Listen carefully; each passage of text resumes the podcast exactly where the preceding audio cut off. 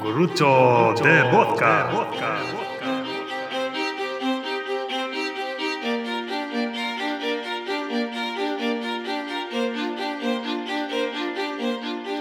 Un podcast borracho no ollo do tigre.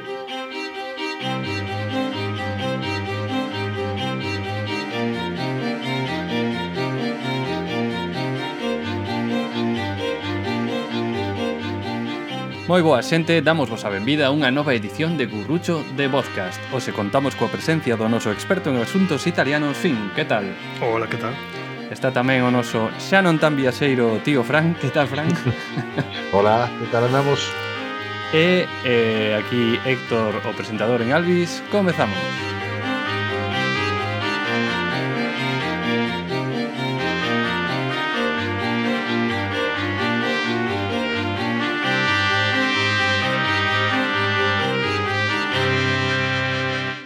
aquí estamos grabando este podcast eh, a finales de xaneiro dos 2021, un ano que empezou forte, porque empezou cunha especie de asalto un tanto peculiar ao Capitolio dos Estados Unidos, eh, misturado con esta especie de onda de frío que tivemos por aquí, que non chegou a nevar aquí, me cachis, como, aquí, como naquel ano 87 creo que foi, pero casi, non? Sí, frío casi. houbo. Frío houbo. Frío que opinades do, do Capitolio? Hai imaxes moi moi curiosas aí. Eh? Pois pues eu a verdade é que solamente vi un par de fotos, entón non podo opinar demasiado. Non viches a estes no, disfrazados. A ver, Fran, dime. Iba a decir que cando fora do o golpe de estado 23F, que dixeran nunha televisión sueca que entraran uns homes no Congreso vestidos de toreros. Ostras, Entón aquí pois botaron un máis número disfrazados de búfalos e de cousas aí raras. Sí. Sí, sí, é que comentábase tamén por Twitter que había algúns que levaban estes traxes que parecen destes carnavais que hai, non sei se si polos Ancares ou por aí, non sei se si vos sonan, estes sí, traxes sí, sí. con peles de animais e tal. Pois sí, mm. tiña foi un rollo así bastante esperpéntico, ¿no? Bastante moi moi trampero. Sí, ahora, me falaban de que ese tipo de indumentaria eran as previas que existían antes da formación do Ku Klux Klan, cando os primeiros grupos así racistas e uh -huh. se vestían así un pouco de salvaxes. ¿Mm? Bueno, daba un poquinho de medo, non? pensando en algún gurrucho sobre películas de, de literatura de golpes de estado e cousas así, non? sí, sí, sí. Hai sí. un objetivo Casablanca, ou unhas sí, destas. Todas destas de intentar asesinar o, o, o, o presidente dos Estados Unidos que en, nunha de cada dúas películas de acción tentan asesinar o presidente de Estados Unidos. Mm. Nada, pois eh, imos xa a falar do podcast mm, mm que estamos a gravar agora mesmo. Vai ir de artes marciais. Artes marciais e ímonos centrar en Bruce Lee e vamos decir así brevemente como vai estar estructurado este podcast. Comezaremos no bloco 1 eh, falando de artes marciais, da historia das artes marciais, da loita e de todos estes temas que Fini levará a voz cantante a ver que tal se lle dá. Eh, despois, no bloco 2, falaremos de Bruce Lee, da súa vida e da súa obra, das súas películas. No bloco 3, falaremos de cinema de artes marciais, así en xeral, e de algún outro medio tamén, quizáis de banda deseñada, literatura, non sei se hai. Eh, e no bloco 4 eh, falaremos un pouco de Galicia, entrevistaremos a dous rapaces, unha rapaza e un rapaz que coñecemos que fixeron moitos anos eh, artes marciais, e faremos unha, unha pequena inquisa cuestionario, bueno, non sei o que é eso que, que fixemos. e nada, amarramos o cinto negro e comezamos con esta música o bloco 1.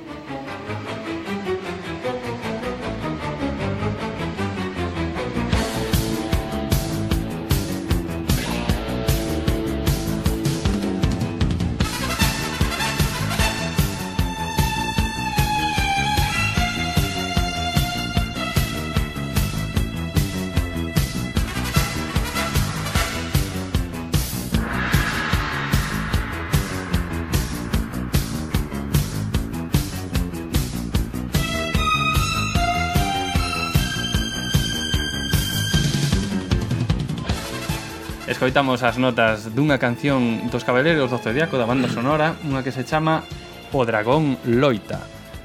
É un temazo, é un dos temas preferidos meus, así que tomei má licencia de, de poñelo porque ademais ven moi a caída, é moi de, de loita esta, esta canción.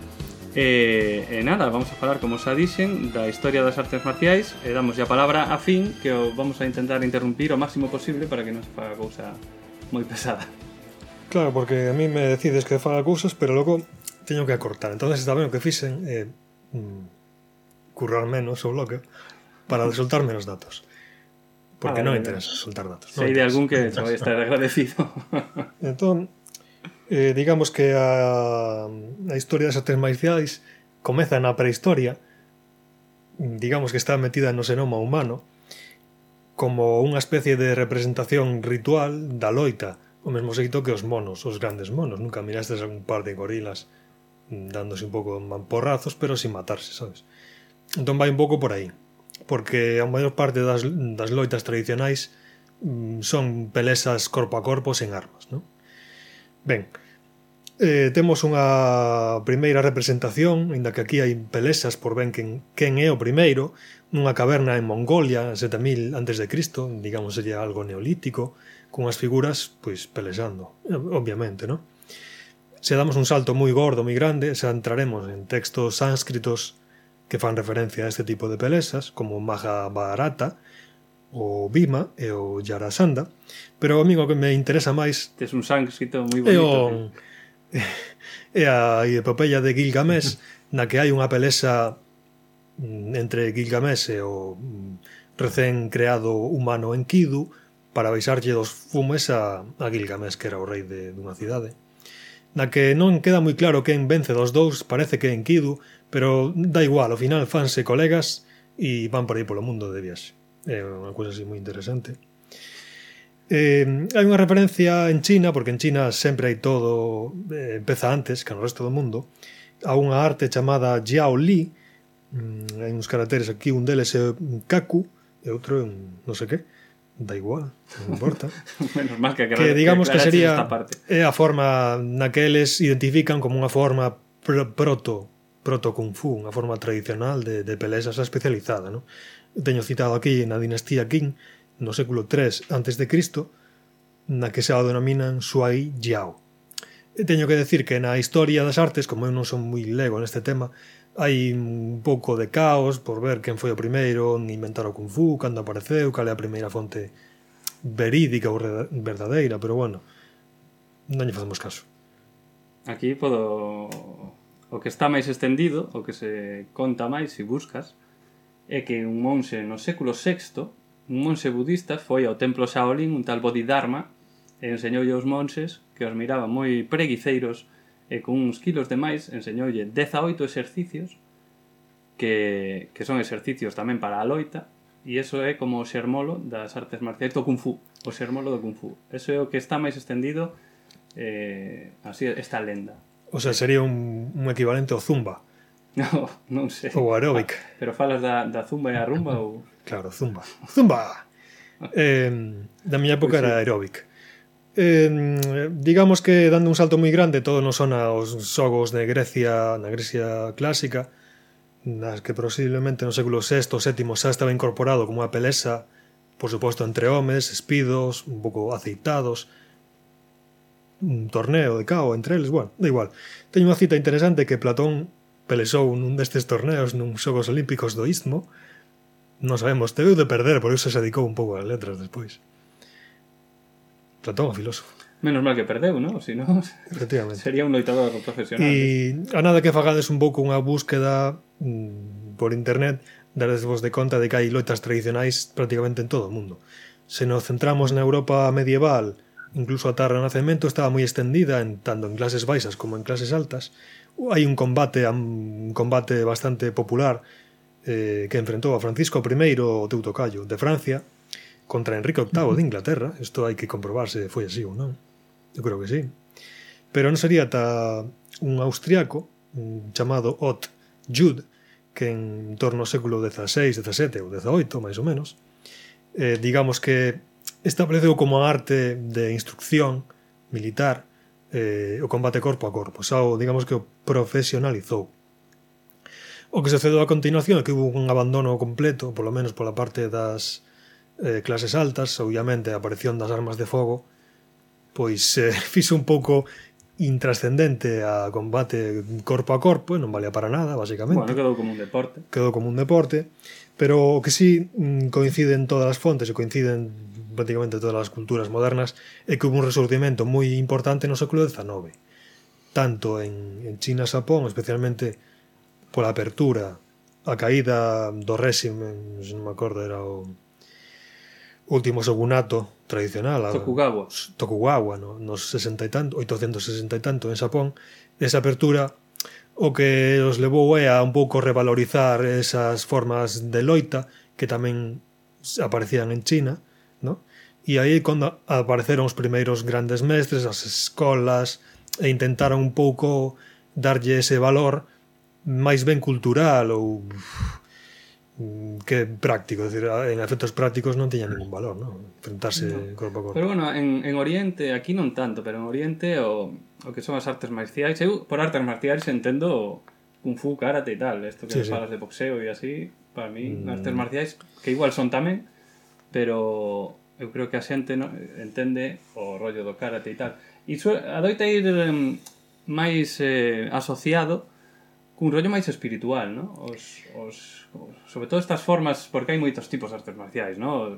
Ahora estou falando solo do Oriente. Eh, desde Kung Fu, Karate, Taekwondo, ¿no? Japón, Corea, China... Eh, pero despois hai unhas formas como máis leves, como Tai Chi, Tai Chi Chuan, que se chama realmente, ¿no? Que, que é un rollo bastante como buscar o, o zen, buscar o, o chi, estas forzas místicas e tal. Va, vai máis por ese, por ese rollo. Sí, a ver, sempre contan a lenda que apareceron os monses Shaolin, que foron os inventores, polo menos, do Kung Fu e de, de certas técnicas, pero logo hai outras referencias que decían que non, que é imposible que un monse budista mm, se comporte desa maneira e teña eses hábitos, senón que era a xente que vivía ao redor do templo, que era un pouco, pois, busca buscavidas, e xente que andaba por ali, dando, dando golpes, non? mm, eu volvendo un pouco hacia as formas eh, máis tradicionais europeas e depois xa falamos das, das asiáticas.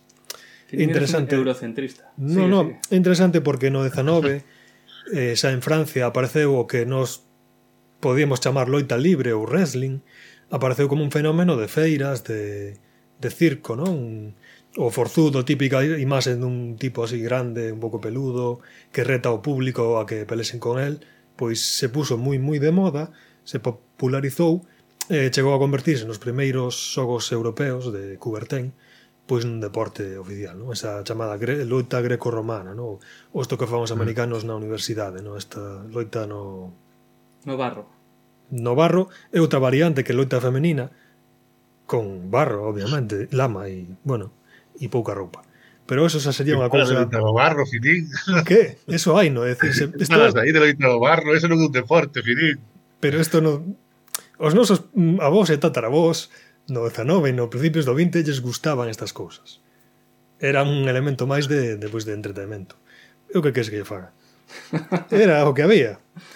Entón... Pero de todos modos, eh, é un pequeno matiz. A aparte do que falas sí. de entretenimento, de feira e tal, tamén o que pasaba era que as clases altas, eh, igual que fixeron co fútbol e con outros eh, deportes, puseronlle reglas e eh, fixeron que fora un deporte honorable e o boxeo nas finais do 19 principios do 20 era un deporte entre cabaleiros Sí, digamos que foi esta tendencia como pasou no fútbol, que se puso regras a un, un xogo bastante bruto ao principio e efectivamente mm. todos estes xogos tradicionais dos que falamos un pouco ahora como exemplos pues, por exemplo da, desta loita España, loita aragonés perdón, leonesa hai unha loita canaria, no? os mm. aluches que chaman, as trinchas, etcétera Todos se ca caracterizan por tumbar ao contrario, pero sen dar golpes, sin, Sí. Eh, sin, sin embargo, había unha variante que decían que había en Esparta, que non, en Esparta eran máis machos, e permitíase trabar, permitíase, permitíase meter os dedos na boca, na, no, digo, nos ollos, etc. Eran un pouco máis brutos. Pero todas estas loitas, digamos que se basaban neso, en tirar ao rival e tumbalo. Un pouco como o sumo, pero sin dar golpes, ¿no? O sumo japonés Sí, ayudo. e o judo. que claro, a mí non me queda, non me queda moi claro porque claro, o judo eu creo que do 19 prácticamente unha creación sí. unha creación moi moderna o taekwondo eh, incluso do século XX sí, se non me 50, equivoco dos anos 50 creo que é dicir eu daba por sentado de, de que eran deportes ou, ou actos ou formas de loita milenarias pero realmente Home, creo que veñen dunha tradición bastante antiga, pero que os... O, mm. eh, non sei que los 19 e 20 cando se, se fan unhas reglas, non? Se sistematiza digamos, estas enseñanzas. Exact, exactamente igual que os outros deportes, como o fútbol, así que, mm. joder, o básquet do século XX. Sí, sí. Claro. sí. Claro, que antes non estaban para pa, pa estas caralladas. Estaban pa... E tamén é unha cousa mm. interesante que en algún momento da historia pois medieval ou moderna de Xapón concretamente, creo que hubo unha prohibición a, a, ás clases baixas a certo grupo de xentes de levar armas solamente podían leválo pois a mellor un samurai, un aristócrata, etc. Entón a xente buscou a forma de, de poder defenderse pois sin armas, entón collían pois o que tiñan a man. Un fouciño, veña, un fouciño, unha estrela con puntas, unha estrela con puntas, sabes? Un sacho, un sacho. Os nunchacos, de feito, mm, baseanse nun elemento de unha, un apeiro de, de labranza que sirve para mallar. Non sei se mm. chaman mallón ou algo parecido e basicamente un, un son dous paus unidos por un, unha pequena cadea para mallar o gran, para quitarlle a, a carapa. E mira que ben lle quedan a Bruce Lee. E os nunchacos son... É que non sei se sería Bruce Lee dos primeiros que sacou nunha película e por iso... Uh -huh. Ah, hostia, como molan. E imos rematando este bloco 1 e con esta música damos paso ao bloco 2.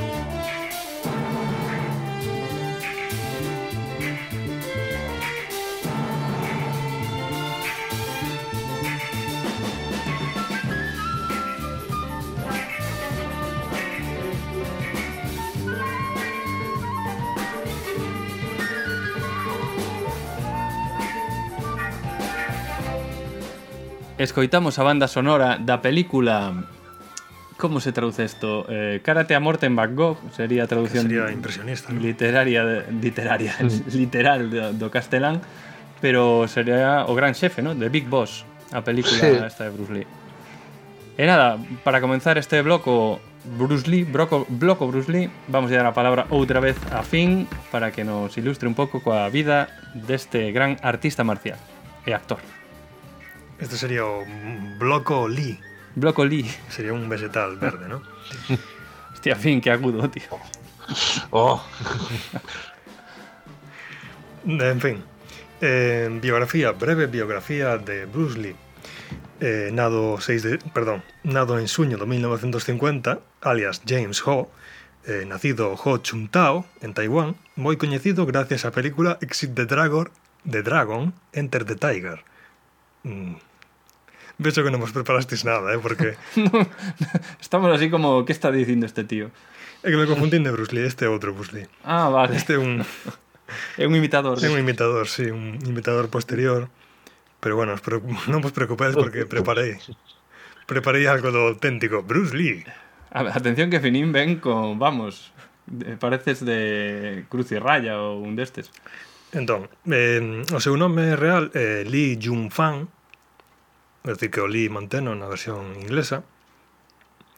Naceu en 1940 en, en San Francisco por un azar da súa vida. O, o, o pai del era cantante de ópera cantonesa.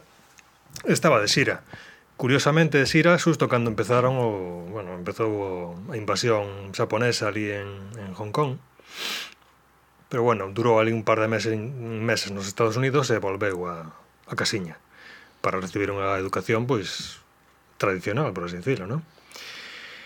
Eh,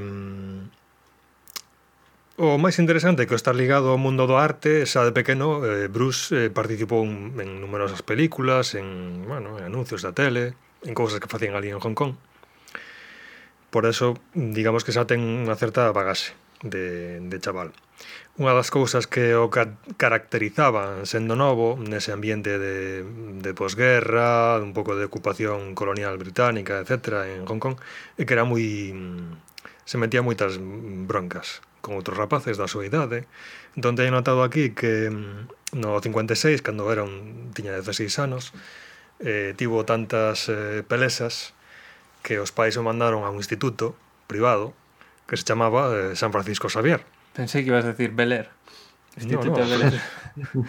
San Francisco Xavier que era foi un, bueno, xa falamos dele, un misioneiro español que colonizou mm, espiritualmente Asia. Bueno, eh, non lle foi moi eh, ben, non? Porque non hai demasiados cristianos por aí. Bueno, ainda hai, pero... Hai algún pero no medio dos entón, outros son poucos. Digamos que Bruce, eh, o mesmo que outros rapaces da súa época, estaba moi motivado a practicar artes marciais para poder, eh, bueno, presar nestas eh, rúas escouras e recónditas de Hong Kong. Pero tivo un problema. Inicialmente non foi admitido na escola de Kung Fu eh, Wing Chun, Wing Chun Kung, por ter unha parte do seu liñaxe da súa liñaxe eh, alemana, é dicir, creo que por parte da súa aboa ou avó materno tiña aí un pouco de sangue occidental, entón eh, o en principio non iban deixar entrar na clase de, de, de Kung Fu, ao final entrou e ao cabo un tempo os alumnos, colegas del, cando se souberon do seu ancestro europeo, digamos que deixaron a parte, non querían entrenar con ele, nada por estilo. Moi Slytherin isto, non sei se si pillades a referencia, pero É de Harry Potter, fin, eso. Ah. Ti, ti... Entón, digamos que se mm, eh, que se eh, criou neste ambiente ata que no ano 1959, cando xa era tan bulleiro que non podía mm, cocú, os pais dixeron, bueno, pois vas para Estados Unidos, ca tú irmán. Tiña de feito dous irmáns ali en na zona de, do noroeste. Volven a referencias ao príncipe de Beler. Efectivamente. entón, no ano 59 entra ali en Estados Unidos, porque ele é cidadán, naceu ali, non nos esquezamos. E naceu, que naceu no 18 en San Francisco. En San Francisco. Sí que dixo, sí, sí. San Francisco. Sí? Ah. Mm. Entón, eh, remata o instituto e comeza na Universidade do Noroeste en Washington eh, a súa carreira universitaria que mm, os seus eh, biógrafos non acaban de, de decir mm, claramente que estudiou, aínda que as probas eh, que teño eu remiten a titulación de arte dramática.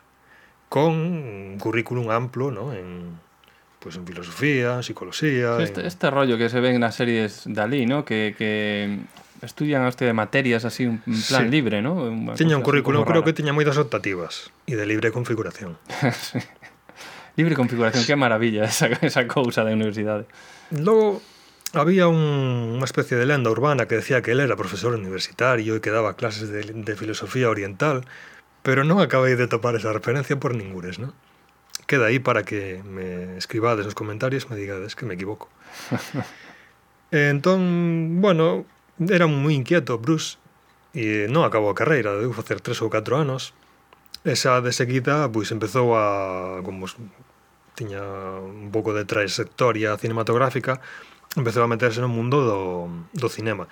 Tamén nesta época, no 64, que foi máis ou menos cando rematou, hai unha mm, pelesa mm, que algúns dicen que existiu, outros dicen que non, cun rival digamos que patrocinado polo, polos clans tradicionais de, da, da xente chinesa en Estados Unidos que o acusaban de ensinar eh, mm, a súa arte marcial propia que el chamou a, o karate, perdón, o kung fu de Bruce Lee, tal cual, literalmente. Entón estes outros clans non querían que el impartise clase a occidentais. Entón retaron a unha pelesa contra este rival e quen ganase dos dous, pois, se saía coa súa. Uns din que a pelesa durou dous minutos, outros din que durou media hora, uns din que Bruce eh, foi ali a morder, eh, a matar, en fin. Non parece moi... A mí non me parece verídico todo isto. Polo tanto, el mintecamos que se meteu no seu currículum esta pelesa que di que cañou, e seguiu coa súa, coa súa carreira impartindo clases, xa empezaba a dar clases de eh, arte marcial a xente de Hollywood, no? xa se empezaba a, a meter polo mundo do audiovisual, e sería xa no ano 66-67 nunha serie de televisión que se chamou The Green Hornet, na que co-protagonizaba, mm, disfrazado ou vestido de policía e cun antifaz, mm, pois unha serie na que el daba mamporros da produtora de Batman, Sí, porque é unha especie de, de Robin, de Batman e Robin, ¿no? o mm, policía este. Algo así. É como un axudante do, do heroe. Sí, él en principio lle decía... Era, ¿no? Como? O chofer era. Sí. sí. Dicen policía, pero bueno, era ese sombreiro de chofer que enganeime. Digamos que él lle decía ao director ou, ou un calía por ali polo estudio pero eu non podo dar estes, pu estes puñados como dades, como dades vosos occidentais, non? Como se si fora un boxeador, non, non, eu vou a patadas, sabes? Eh? como sei eu, bueno, venga, va, venga Bruce, va.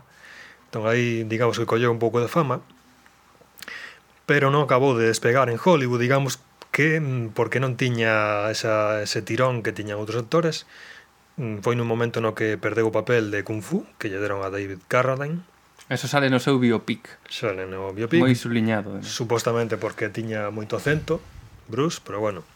Entón lle dixen os produtores, entramos en torno ao ano 70, máis ou menos, dixeronlle, mira, vai vai a Hong Kong, fai un par de películas, pero intenta facelas en inglés, a ver se si es capaz e tal. E cando teñas currículum, volves a Hollywood. É como cando os futbolistas os mandan a un equipo de segunda, ¿no? a que se fogueen un pouco, vai, vai te paio po Salamanca, e despois volve. Pois aquí teño, teño as súas primeiras películas, que serían eh, a que xa mencionamos, The Big Boss, o grande xefe, o xefazo, sí. o peixe gordo, non sei eh, que fixo nun contrato mm, bianual, no? eh, xunto coa outra que é Fist of Fury, que sería o puño da, da furia, ou, o que sexa. Estas son as que teñen máis... Creo que, creo que a traduciron aquí por Furia Oriental. Hmm. Os títulos son moi confusos porque todos se parecen. Sí. Así que cuidado. Sí, sí. Entón digamos que xa entraríamos na, na parte da súa carreira artística Estas dúas películas tiveron un éxito moi importante na mm, entre o público, non? Hmm. Eh, aquí onde xa mm, xa digamos que adquire control total dunha produción, no ano 72, mm, dirixe The Way of the Dragon, o Camiño do Dragón, con Chuck Norris, onde hmm. el dirixe, actúa... Furia de Dragón, creo. Bueno, bueno. en Roma, ademais. En Roma, sí. sí escreve, eh, coreografía, é dicir, ten control bastante menos importante no? da, da parte artística. A continuación, xa no anos 73, empeza a gravar unha película que se chama The Game of Death, o xogo da morte, pero mm, deixa con Karim Abdul-Jabbar e outros, pero deixa a grabación a medias porque eh, chaman na porta os de, da Warner Brothers e lle dice, mira, tes un papel prota máis importante, deixa isto e ven con nos. Entón dices, vale, aí é onde empeza a rodarse de Enter the Dragon, que é unha das pelis máis así... Operación mm. Dragón. Operación Dragón, moi ben. Esa foi na que esa foi na, bueno, na que se digamos que faleceu antes da estrea, un ano 73, moi pouquiño antes, e a que creou un pouco unha aura de, de misterio e de non sei, de, de interese, no? por esta figura que xa conseguira cambiar o estereotipo do, do asiático chinés, no? que había nos Estados Unidos, que era un tipo así moi moi bran, moi brando, no? que non vamos, que non soportaba unha torta, pero vamos, conseguiu polo menos cambiar a a visión, no? estereotipada. E finalmente, xa pasados uns anos, co que se rodara, co algunha cena grabada a maiores, se estrean, se perpetra unha estrea no ano 78 sí da esta de Game of Death, o xogo da morte, eh, dirixida por un tal Robert Clause. E pouco mm. máis, non? Bueno, a parte da, do misterio que rodea a súa morte, que, bueno, uns dicen que foi por consumo de drogas, outros foi por un tema así, morte súbita, Non se aclara. En teoría foi un edema cerebral, non? Que máis mm, bueno, se escoita por aí. Sí, pero causado, uns dicen que porque tomaba drogas, outros dicen que tomaba opiáceos para dor. Paradores musculares, ¿no? De... Paradores, etc. Sí, entón, é un sí, tema que... Todo o mundo sabe, todo mundo sabe que foi unha venganza das trías chinesas e das escolas de Kung Fu porque estaba descubrindo eh, segredos do Kung Fu occidentais. Entón, sí, eso creo que... Unha conspiración. Eso explica nunha película de Dragón de Dragon, con Bruce Lee Jr. Bruce ¿no? Lee Jr. Brandon Lee. Brandon Lee Jr., ¿no? Brandon Lee, que tamén morreu eh, as, demasiado pronto, ¿no? prematuramente, Demasi sí. na rodaxe de, do Corvo, ¿no? Non foi? Do, do Corvo, do, sí. do, da un, do Corvo un. Do Corvo 1. Sí.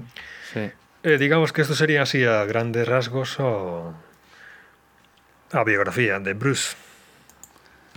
Moi ben, Fini, con esta vida do señor Bruce Lee. Eh, Frank, non sei se querías decir algo. Eh, sí, que tamén en China deu clases de baile. Foi campeón chino de cha-cha-cha. De cha-cha-cha.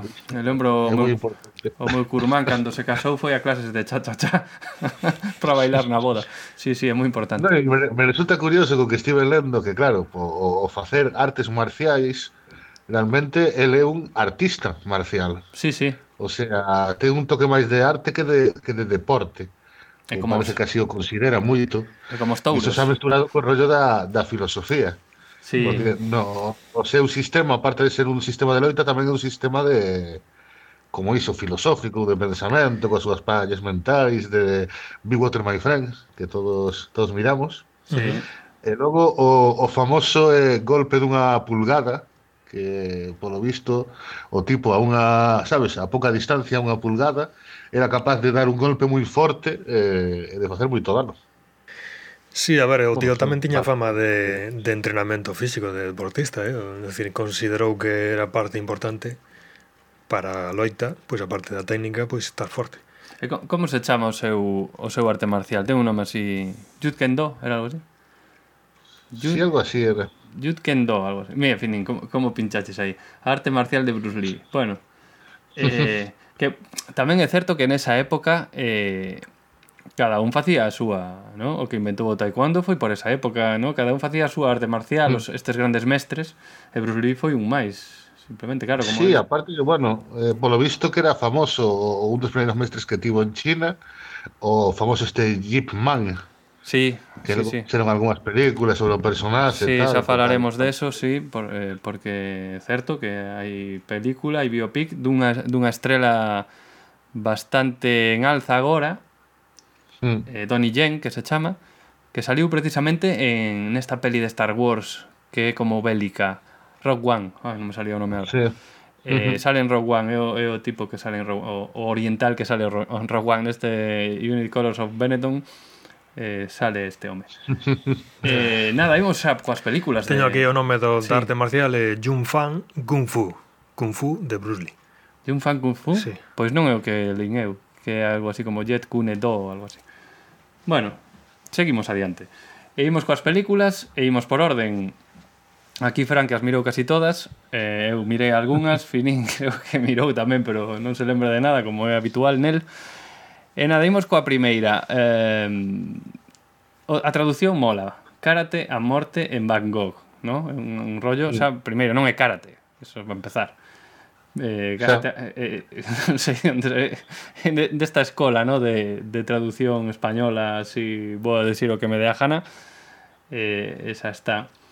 Peculiaridades desta película. Primeiro, non tiñan un duro non tiñan un duro, foron para Bangkok ali, con un bocadillo de chourizo e, e un cas, cada un, e pasaron ata fame, parece ser, pasaron fame, o Bruce Lee hmm. pasou no fatal, estuvo medio enfermo, non tiñan medios, non tiñan, non había boa comida realmente, xa, O sea, foi un, unha, unha rodaxe tan chunga que eso, que, que todos quedaron bastante marcados. Pero foi hmm. un, foi un éxito, foi un éxito inesperado, pero un super éxito. E hai que decir que é coa Golden Harvest, que esta mm, é unha compañía hongkonesa que a partir de aquí que xa viña un, uns anos atrás pois empezando a, a surdir no? e a partir de aquí que se fixo moi famosa no? a Golden Harvest E, eh, eh, nada, ti esta Fran mirache, o decías que non, non? Esta non foi a que mirei, sí que nin algo do que distide que tiveron problemas, aparte eh, prácticamente dormían no chan, eh, comida a, a pésima, sí. eh, hai un momento no que incluso eh, ten un corte nun dedo, o Bruce Lee ten que ir escayolado, eh, jode un no cello, eh, fatal, todo moi mal. é que sí, sí, debeu ser unha aventura bastante interesante.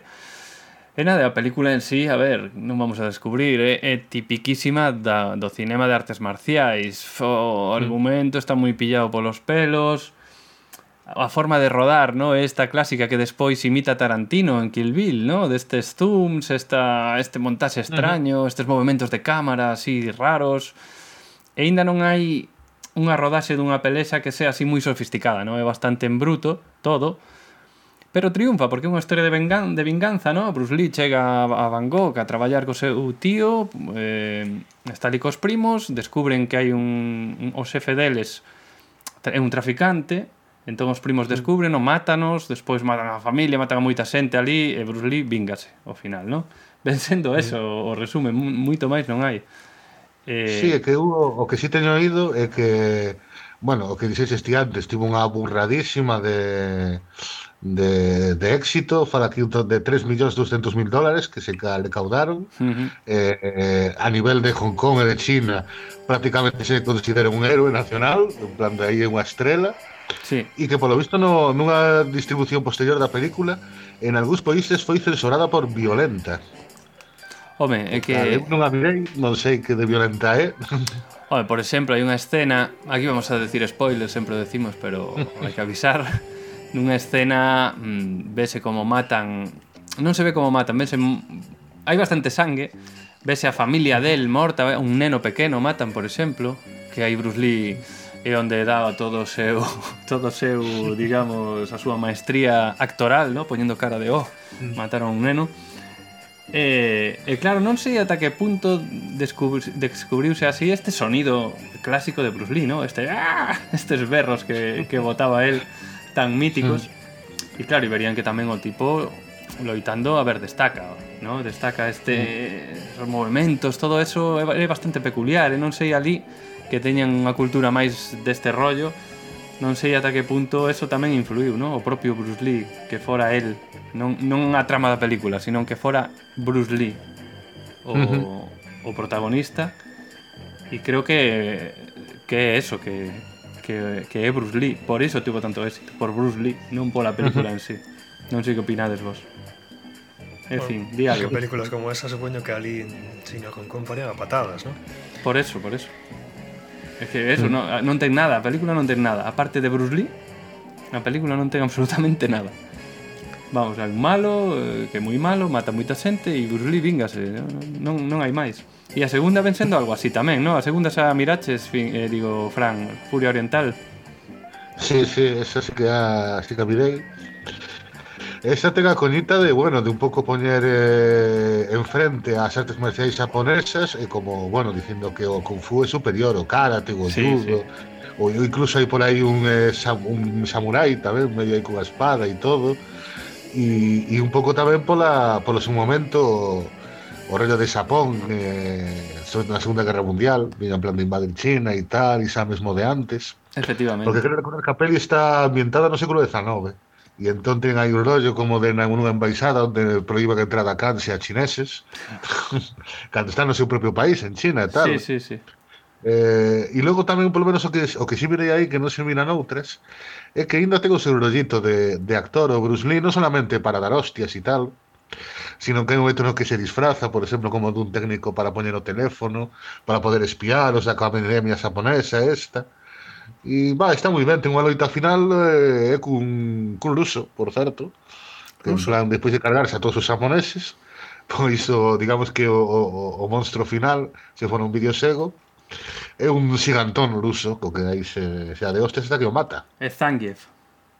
Referencia a Street Fighter Finín tampouco se entera. Sí, eh... porque mata xente a hostias, eso non sei, a mellor unha no, un pouco unha novidade, non o sei. O ruso eh, ou o Bruce Lee? De que podes matar a xente a hostias con, a, con Kung Fu. Ah, pero ti, sí, sí. Novidade non debe ser, non sei. Eh, ali non debe ser tan novidade. Pero sí no, que... ali no, pero, pero probablemente para Occidente sí que os es, en plan de matar a alguén a, sí, sí, claro. a simplemente coas manos. Home, non dixemos que Bruce Lee na, na esta de Big Boss eh, mata ao tipo meténdolle as mans así na barriga, clavándolle os dedos na barriga e empeza a salir sangue, que era outra cousa que iba a decir en plan de violencia, que aí mírase todos esos, esos chorros de sangue cando Bruce Lee lle mete os dedos así. E eh, sí, sí, é, é bastante gore, no? o, o, rollo. E estamos falando do ano que non dixemos anos, eh, 70 e poucos, verdad? As, eh, as primeiras. Sí, do 72, a de Furia Oriental, así que debe ser do 71, 70. Sí, sí, por, anda por aí. Yo creo que en España non estábamos preparados, non? Estábamos con Pajares Esteso. Bueno, Pajares exceso ainda non chegaran. Non chegaran. A España, estaban, estaban aterrizando aínda. Pero sí, sí. Bueno, sí, aínda non chegaran, creo. Non son máis dos principios dos 80, finais dos, no, dos 70. Sí, sí, Estes son, ben. O destape este. Mm. E nada, continuamos con este pequeno repaso, porque desta segunda, a ver, pouco máis hai que engadir, eh, sigue... É eh, un pouco Bruce Lee contra a Yakuza, ¿no? Volve a ser un tema así mm. casi de vinganza tamén, non? Sí, matan o mestre da academia, sí. así que volves un proscrito, vingase. E sí que é recurrente que os malos sexan estranxeiros eh, en películas de Hong Kong, é eh, bastante habitual, non? Ese rollo nacionalista, ese rollo casi xenófobo, si me, si me apuras. eh, nada, a terceira, comentábamos, é esta de... Bueno, empezou a gravar, non? Eh, foi aquí onde empezou o fin ou despois da terceira?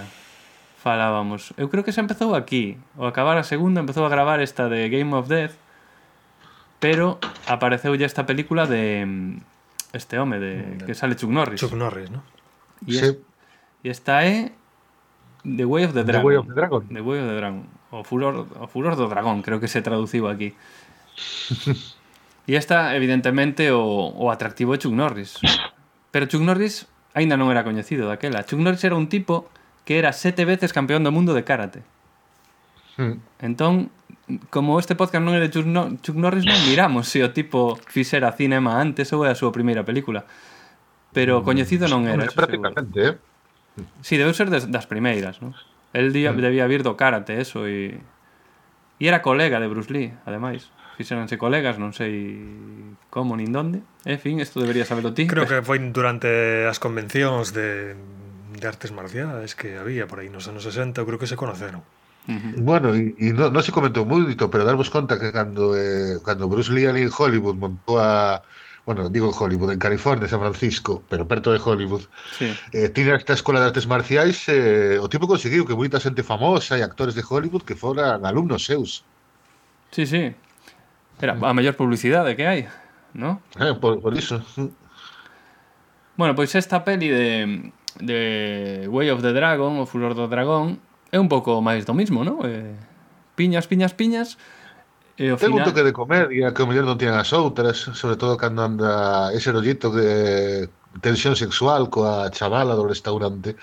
Porque, bueno, o estar hora de Roma... Comenta, comenta y, ti un pouco de que vai. E Bueno, pois iso que decía, está rodado en Roma e vai, bueno, de que hai unha, un restaurante chino en Roma, chega aquí o Bruce Lee como un pariente tal, e hai como unha mafia chinesa en Roma que, que se dedica a extorsionar a este restaurante, entón o Bruce Lee, pois, lles axuda a familia dándose de hostias con estes eh, mafiosos. Uh. Aparte por ali hai un, eh, un deles incluso dá a sensación, eh, un, eh, un humor un pouco desalgorosa, digamos, que sería homosexual, ademais, facendo, bueno, pois o típico de, da época que farían en plan eh, parodia, coña. E logo, sobre todo, o momentazo é o do final, que o combate con Chuck Norris eh, no, no circo romano, eh, ademais, no Coloso, sí, sí, no, sí. Chama, no, Coliseo. No Coliseo non salía a palabra. No coloso. Vamos, é, é moi, pero vamos, mitiquísimo, cultura pop, eh, icónico, o que queiras. E é una, disso, a única vez que perdeu Chuck Norris, ¿no? Un combate. A única vez que perdeu Chuck Norris, efectivamente. Sí, sí, a partir de aí dixo, aparte nunca máis. Nunha das hostias nunha das hostes lle quitou eh, un pouco de pelo do peito, porque tiña pelazo no peito. non, sei, non sei se máis adiante non, non encontrou tantas pelis de Chuck Norris se, se o recortou, pero daquela, joder, menudo matón cotiño. sí, home, home, un home de pelo no peito joder. Un home de pelo en peito, efectivamente Como ten que ser, Chuck Norris Sí. E como película, pois un pouco como todas, ¿no? Ou destácala por riba, por debaixo das outras. No, de iso, ese toque de comedia, hai un momento no que se liga unha a unha occidental na, na, na como se chama, Piazza de España, eh, no? Eh, a das escaleiras. Todo... Sí, a das escaleiras, sí, eso, eh. Sí. E se mira así algún eh, bueno, iso Roma que aproveitaron un pouco Roma para claro. como decorarlo. Porque esta é a primeira que rodan fora de Hong Kong. ¿No? Sí. Estas van rodar fora. E a seguinte... Bueno, fora de Hong Kong, aparte a de Tailandia, que foi O sea, bueno, pero eh, da- dos estudios de Hong Kong. Creo que esta xa a produtora non eh, eh, a Warner xa ou non. Sí, eu creo que esa que dixen que era el xa mm, director, escritor, ¿no? Sí, aquí tiña, el fai todo. xa tiña bastante liberdade. Sí, él, él en todas as Teña súas... a Concord Production, tipo por aquí, que creou o Bruce Lee. Xa non iba coa Golden Harvest. Claro, claro. porque el, na película esta que falamos do, dos xaponeses, do, da Yakuza, eh, levouse fatal co director. Entón dixo que nunca hmm. máis iba a deixar que lle o dirixiran. Entón, entón pasou, en todas as súas películas el era un pouco o coreógrafo das loitas, era o que o director de acción chamábase. E agora hmm. pasou xa tamén a ser o director da película, el facía todo, era unha orquesta totalmente. E pasamos a seguinte, que é a unha das máis icónicas, que é esta de Enter the Dragon, ¿no? eh, mm. Operación Dragón. Conta tamén ti de que vai, Fran. Bueno, un pouco, entre comillas, eh, como se fose unha película de James Bond, o, só so que nunha illa con un montón de chineses e orientais, e a hostias, eh, a, a, a Kung Fu hostias. Porque digamos que contratan o, o Bruce Lee, unha organización como especie diso de asente secreto, que ten que infiltrarse nun campeonato que se fai nunha illa perdida para dunha organización criminal secreta en plan espectra pero de chineses e un pouco a idea que acabe cargándose o, o malo, que é unha especie como de Doctor No, pero cunha man metálica, cun gancho hmm. co que presa con final. Sí, sí. Que unha das escenas icónicas que tenta aí, tamén co rollo dos espellos, que Eh, efectivamente. Eh, un pouco seguindo o rollo da, do, esta peli como é a de Son Buelsa, de A Dama de Shanghai. Sí, sí, sí. E un pouco xa, tamén esta xa...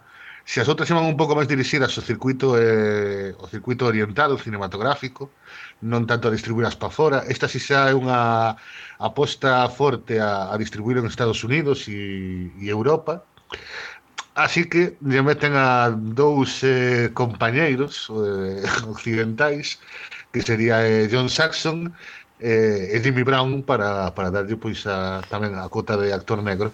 Sí, sí, sí, sí. No, que, bueno, un pouco aí tamén ten as súas pelesas. Eh. Que un morre, ¿no? Si non me lembro mal. Eh? Spoiler Eh? total. Un deses morre. Eh, Non sei a que ven este dato, pero... Creo, creo que un dos... Ahora, ahora, xa me faz, ahora xa me faz dubidar, creo pero pode do, ser. Un dos dous mátano, creo. Bueno, non sei. Sí que, xa, te, sí que participa un pouco realmente. Eu creo que era un pouco para que na carteleira saísen... Eh, non se saíse un chinés, sino que houvese tamén un actor branco e un actor negro na carteleira. Sí, sí, pero sí. na peli non, non fan moito, eh? está un pouco de comparsa, podemos dicir. Realmente pues... aí o que, o que, o que corta o bacalo e parte as hostias é... Eh, é Bruce, eh, o, está claro. É o Bruce Lee. Lembro que o Branco... Non teño moi claro se lenda urbana, pero se dicía que Jackie Chan participara de dun dos extras, dun dos que recibe hostias na, nesta peli. Sí, sí, non é lenda ur urbana, non. Non é lenda. Non, non, Elsa, Elsa andaba por aí. Mira que Jackie Chan é hostia de bello, eh? Parece, xa, xa. Consérvase, vamos, como, como se si estuvera metido nunha lata de alcriques, pero mm. eh, bastante maior o tipo. E por aí estaba empezando, claro. Que esa falar pues, un chisco de Jackie Chan no bloque 3.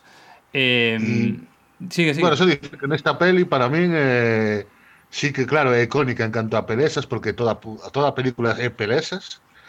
Eh, pero nesta como actor non se luce moito Bruce Lee porque aparte de chiar e de poñer cara de mala hostia no, non actúa, non, non sei cantas frases ten en toda a película É un tipo pero Conan o bárbaro, ¿no? Sí, algo así Bueno, E despois ven a, aquí, eh, precisamente, creo que uns días antes de estrear esta película, cando morre, pode ser.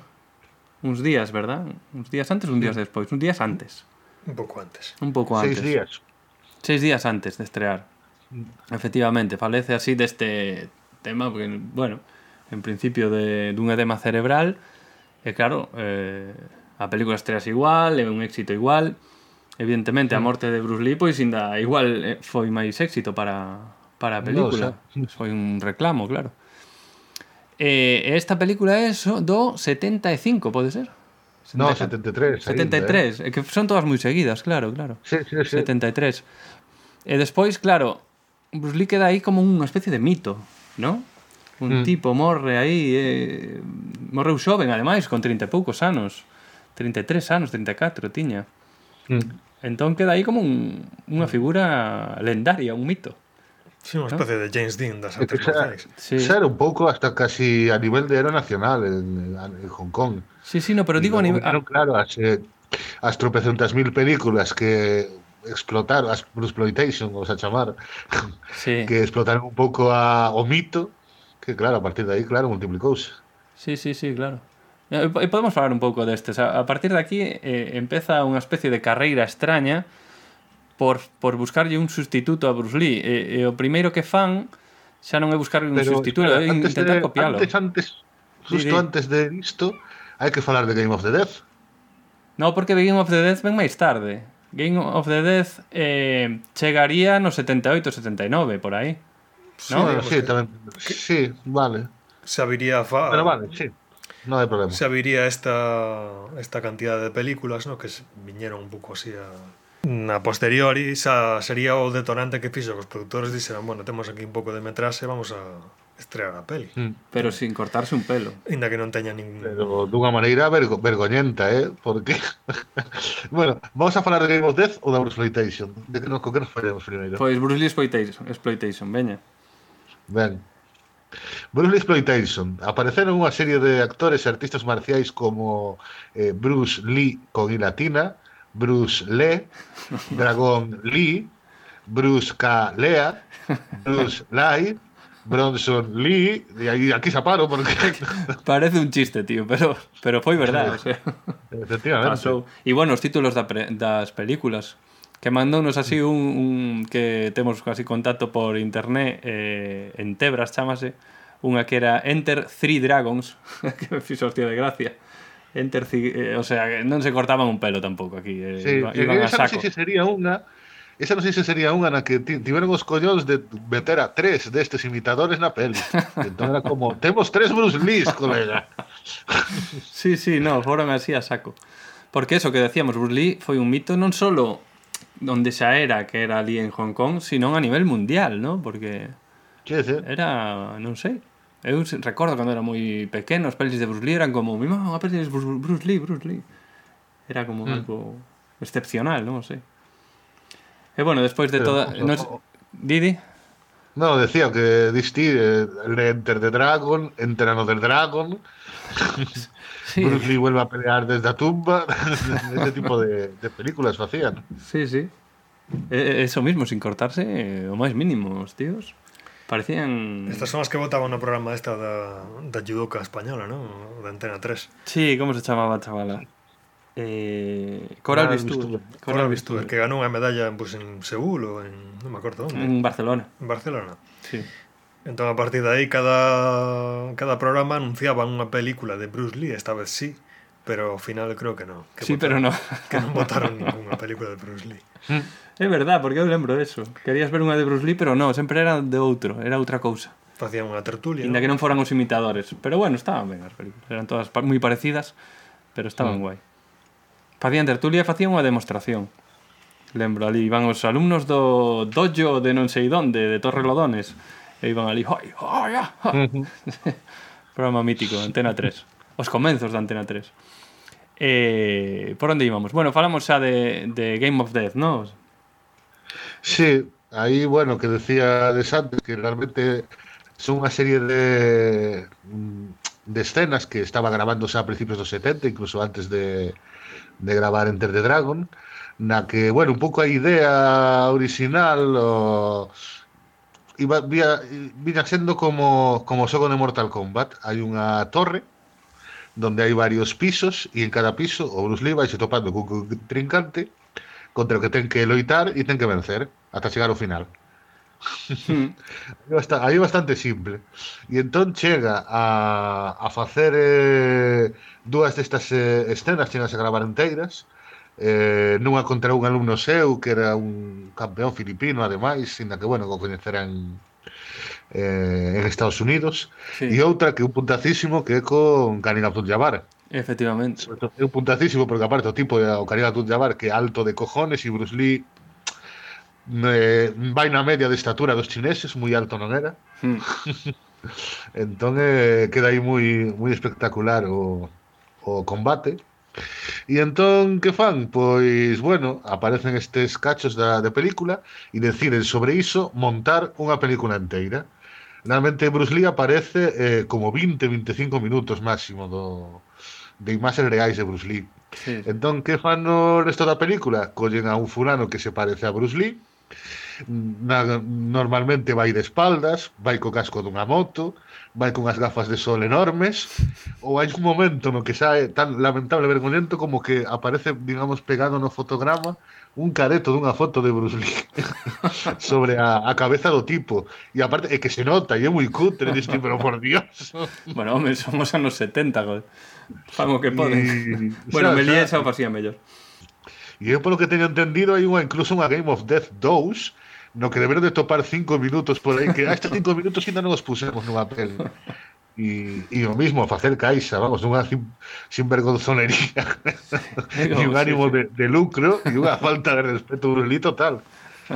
Inda que nos dá o, a icónica imaxe de, do Bruce Lee co, co chándal amarelo.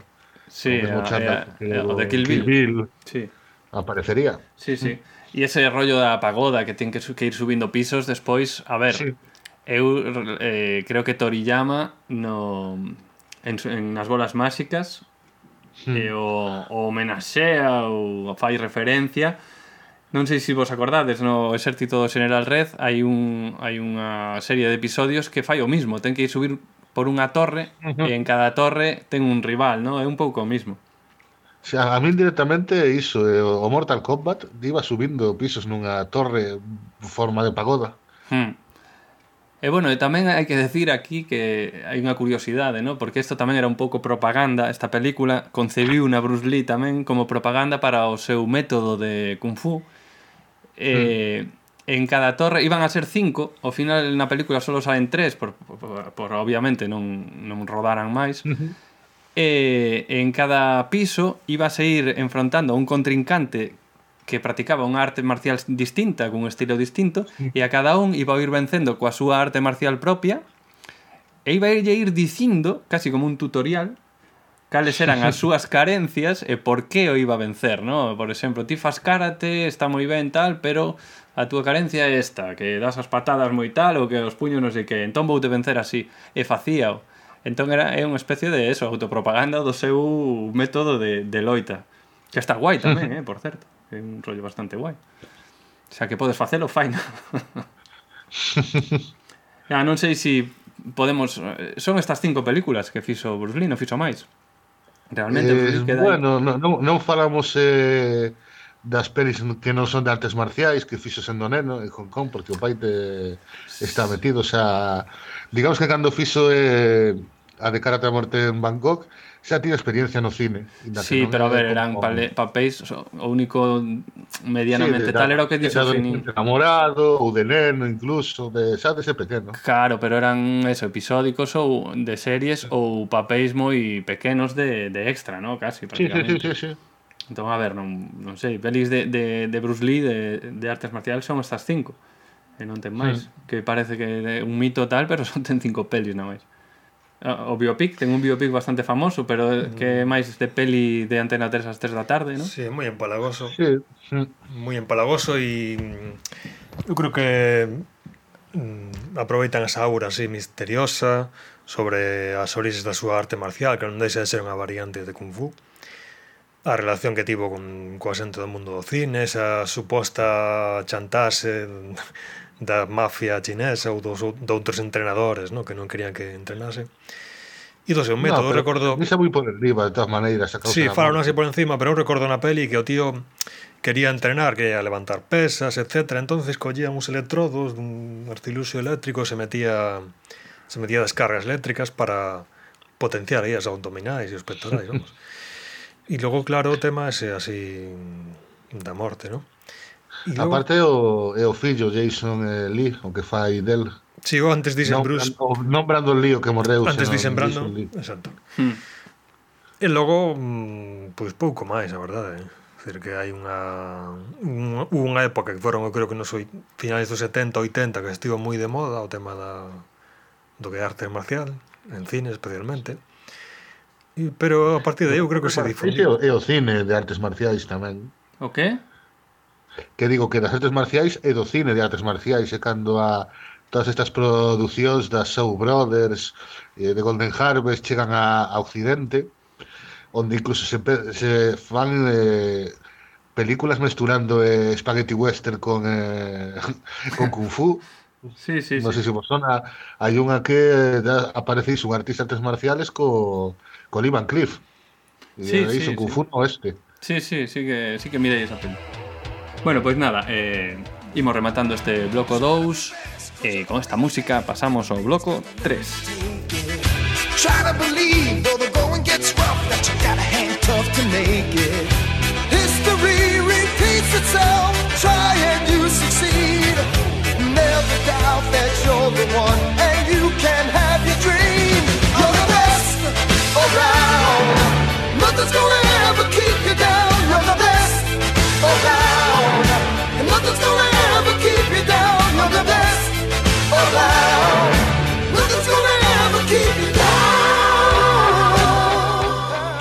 escoitamos o temazo de Joe Espósito, un cantautor americano que fixo este tema expresamente para a película Karate Kid, que todos lembramos ese momento de Karate Kid da, do torneo do final, ¿no? que, que se van sucedendo as loitas e cando Daniel San vai pasando de, de eliminatoria en eliminatoria, tamén os de Cobra Kai ata chegar a esa final que sae sin música.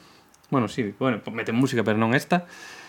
E nada, esta música ven nos ao pelo para falar precisamente de eh, cinema de artes marciais ou o xénero este de, de artes marciais ou de loita, que será máis que un xénero, unha especie de subxénero dentro do da acción, ¿no? Son pelis de acción realmente mm. na que se utilizan as artes marciais.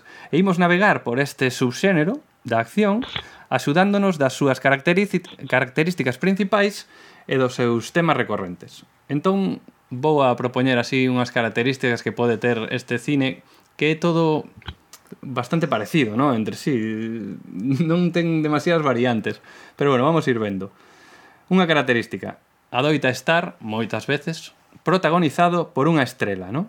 Xa dende o cinema hongkonés dos 50 e 60, ¿no? De, de, que se facía en Hong Kong, había un tal Kwan Tak Hing, que era un actor experto, especialista en artes marciais ou artista marcial, como ben decía antes Fran, que recreou moitísimos personaxes, pero sobre todo recreaba a unha lenda chinesa, a un, a un mestre de artes marciais histórico chinés que se chama Wong Fei Hung, no? Fixo pelis de Wong Fei Hung, facía este tío moitas.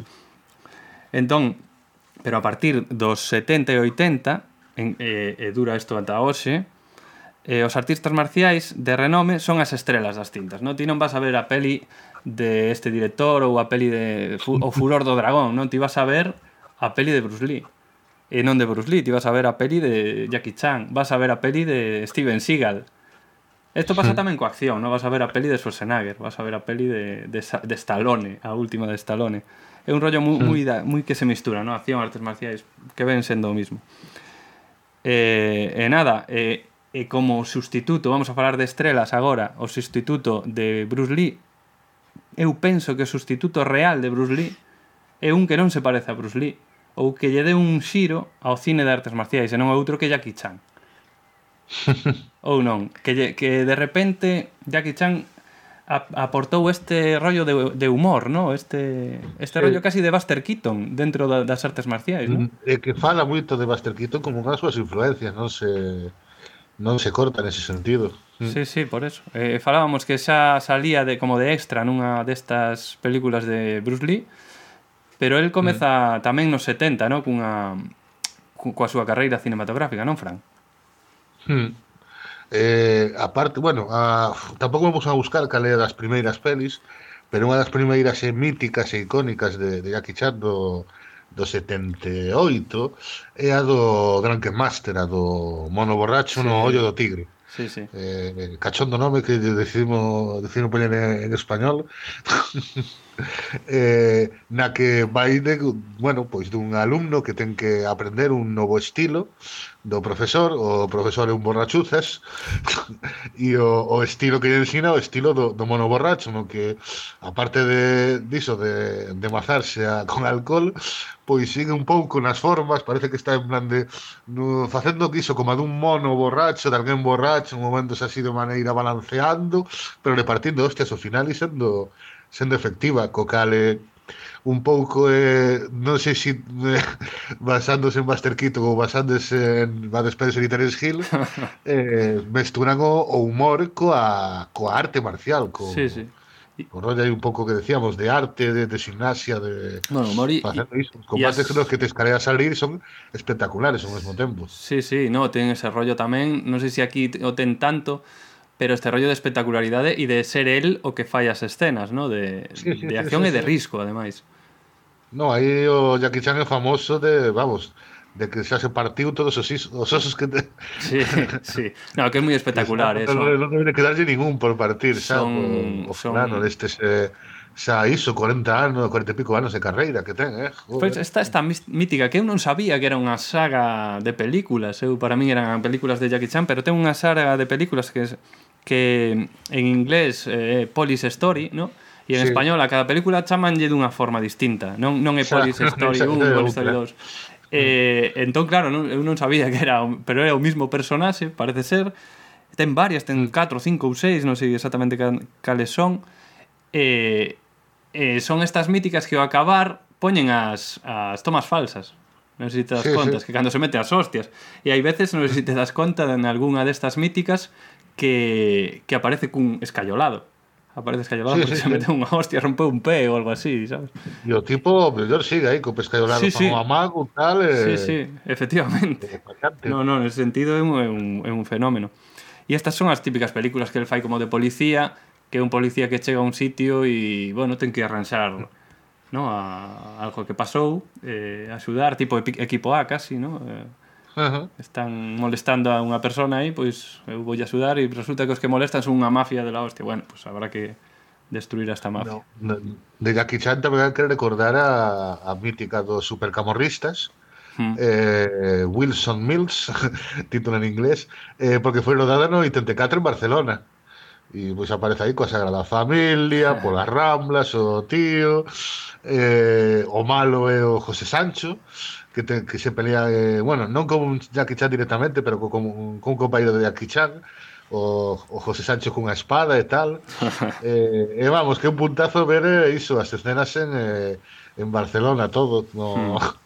Bueno, aparte iso, que ahora que, que, que estuve vindo alá a cachos, pois e tengas unha coña de coñecer algúns, algúns dos sitios en plan de polo Arco do Triunfo polo eh, pola Sagrada Familia eh, te, te, tengas unha coña E despois foi un tipo que marchou para Hollywood, ¿no? Eh, fixo estas sí, películas claro, de Rush Hour.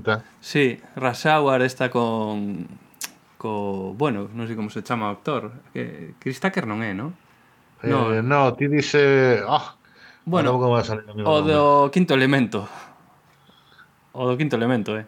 O que fai de radio, de locutor de radio do quinto elemento. Rush Hour, mm. e, e despois fai estas de aventura, así con, non sei se sale en Willy Fogg, non? En Willy Fogg, sí, na volta. Willy, sí, na fai de fai do maiordomo, por así decirlo. De Cantinflas. De no papel que nese momento fixo... Sí, no papel que fixo Cantinflas tamén. Sí, sí. No? Efectivamente. E na, en esa peli sale Schwarzenegger tamén. Hai que decirlo todo. Eh, sí, Chris Tucker, eh? É Chris Tucker? O de Rush Hour, o de Hora Punta é Chris Tucker. Ah, vale, sí, claro. Entón non é o que digo eu de... de... do quinto elemento. Bueno, da igual. Sí, eso que... que foi cara a Hollywood, quedou ali bastantes anos. Creo que ahora está volvendo un pouco a, a Hong Kong, pero... Hasta fixo Karate Kid, sí. co fillo de, de Will Smith. E el facía de Miyagi, sí, sí. Mm. Efectivamente, foi eu creo que o tipo máis que Bruce Lee incluso, foi o tipo o tipo que máis éxito tivo Sí. Así, desa Jackie Chan. Eh, o que acabo de decir, antes son 40 anos de carreira e Bruce sí. Lee sentindo moito son as películas que se xuntan eses 4 ou 5 anos. Sí, sí, no, e a ver. Jackie Chan é un crack, eh? E creo que lle cae ben a todo o mundo. Hmm. Sempre está rindo así, non sei. Eh, bueno, continuamos con estas características de películas de, de acción, de acción e de artes marciais. Por exemplo, Eu teño aquí, a loita move a trama. A narración céntrase en preparar eses momentos climáticos que salpican estas obras que son os combates.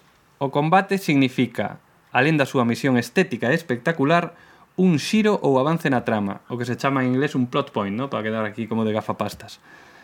Eh, evidentemente, todo este aparello narrativo acaba por apuntar a un combate final ou clímax. E tamén pode ser isto que se chama o motor de arranque, tamén un combate. O sea que os combates eh, narrativamente fan, fan todo.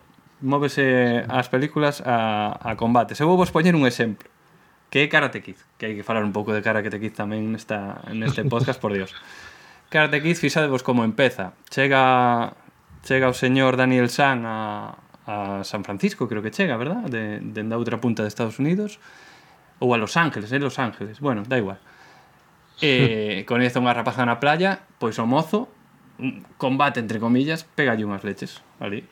Xa temos o motor, mm. no? Entón o chaval quere aprender karate para que non lle den hostias, porque ali quedou como un pardillo. Entón vai o dojo de tal, vai o dojo de Cobra Kai precisamente, mira que os, os que lle deron as hostias están ali, entón non pode ir aí. Entón que pasa? Que Miyagi era o seu veciño e empezan a ter como relación, non? Segunda segundo combate, cando os tipos disfrazados de das vos conta, disfrazados de esqueletos. Vos mirastes cara elegido. De Halloween, ¿no? Sí, disfrazados de esqueletos lle dan unhas hostias outra vez a Daniel San. Entón aparece Miyagi e sálvao. E dai sí. unhas hostias os esqueletos. Aí tedes o punto de xiro para empezar a entrenar. Eu son o teu veciño, pero son un crack das artes marciais, son aquí el puto amo. Mm. Entón empezan a adestrar para o campeonato. E o último xa xiro son as, as hostias no campeonato, no? Que, que tamén é o clímax final con esa patada, e fixadeos que moitas pelis destas rematan no clímax. Que tamén me ven a cabeza as de Rocky, rematan no clímax, remata no ring, Rocky remata no ring. Sí, sí. E esta tamén remata no tatami. Pero Karate Kid é unha peli que se pode tomar a sí mismo en serio. Sí. Sí.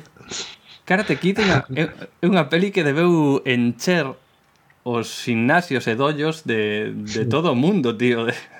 Os, Iso primeiro. Seguro, a ver, quen non mirou E logo que co paso do tempo incluso eh, chegou a ter interpretacións novas sí. nas que o final o malo era Daniel Sam.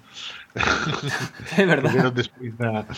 eh, bueno, eso sobre todo era teoría de, de Barney en eh, como coñecían a vos anais Sí. para él o, o protagonista da peli o bo, o que pasa que perdía ao final era o Rubito este o ah, non, non sei como se chamaba o, Ah, pero vamos o, sí, eh. o contrincante de Johnny Lawrence. Johnny Lawrence era. Sí. Sí, porque... E deu ahora, deu ahora na serie esta de Cobra, Cobra Kai, Kai. que realmente son con... Iba a falar eu de Que- Cobra Kai. Eh, miraches Cobra Kai?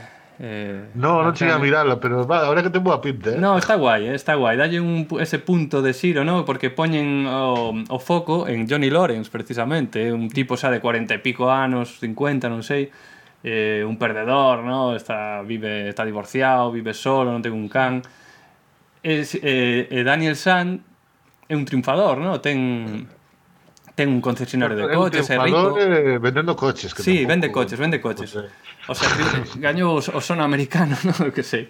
Pero despois van retorcendo iso, a ver, nin outro é tan malo, nin Daniel San é tan bo, inda que é un bo tipo, no? pero a ver, ten os seus problemas, ten os seus tal, e vanlle dando, vanlle dando ese rollo. E outro, e o, sale o, o profesor tamén do, do Cobra Kai, aquel que, que un super capullo, Sale, mm. tamén lle dan un pasado, non? Lle dan, lle dan a todo un trasfondo que nos 80 non lle daban porque daba igual, non? Nos 80 o trasfondo daba exactamente igual. Nas, nas pelis de acción en as de Kung Fu, daba eso. O malo é mm. malo e punto, non necesitamos saber nada máis. Agora, para, sí, agora sí necesitamos e Cobra Kai dalle ese, ese trasfondo. E está moi guai, eu mireina e aconsello Porque un, hai un pouco ida de olla tamén a, a serie, ten un punto de, de desfase bastante guapo. Home, a mí, por exemplo, na, na, na original, o que me, face, me pare, o que me chocaba un pouco era que o, o, o Daniel este se pasaba toda a película recibindo hostias. Sí. o sea, sempre recibía él e ao final de todo por unha, dunha patadita gaña. Bueno, pero ganou aos puntos eran puntos. Xa, pero, pero durante ese combate no que fai recibir hostias, durante, bueno, durante o campeonato todo. Sí, é verdad. Recibe hostias e na última, plas. Pero é como isto, que nós non somos mm, non, so, non sabemos moito do tema, entón non sabemos cando un, cando un golpe punto ou non. Pero sí que é verdad que leva hostia de veces. Leva hostia, mm. acaba o tipo destrozado. Con este mítico de dalle na perna, dalle na perna. Nas semifinales que o, que o lesiona. Va, é moi mítica Karate Kid. Bueno, seguimos coas características das películas de artes marciais e vamos a falar do rol do protagonista. O rol do protagonista son dous, non, non hai máis. Non sei se vos podedes engadir algún, pero mirelle dous.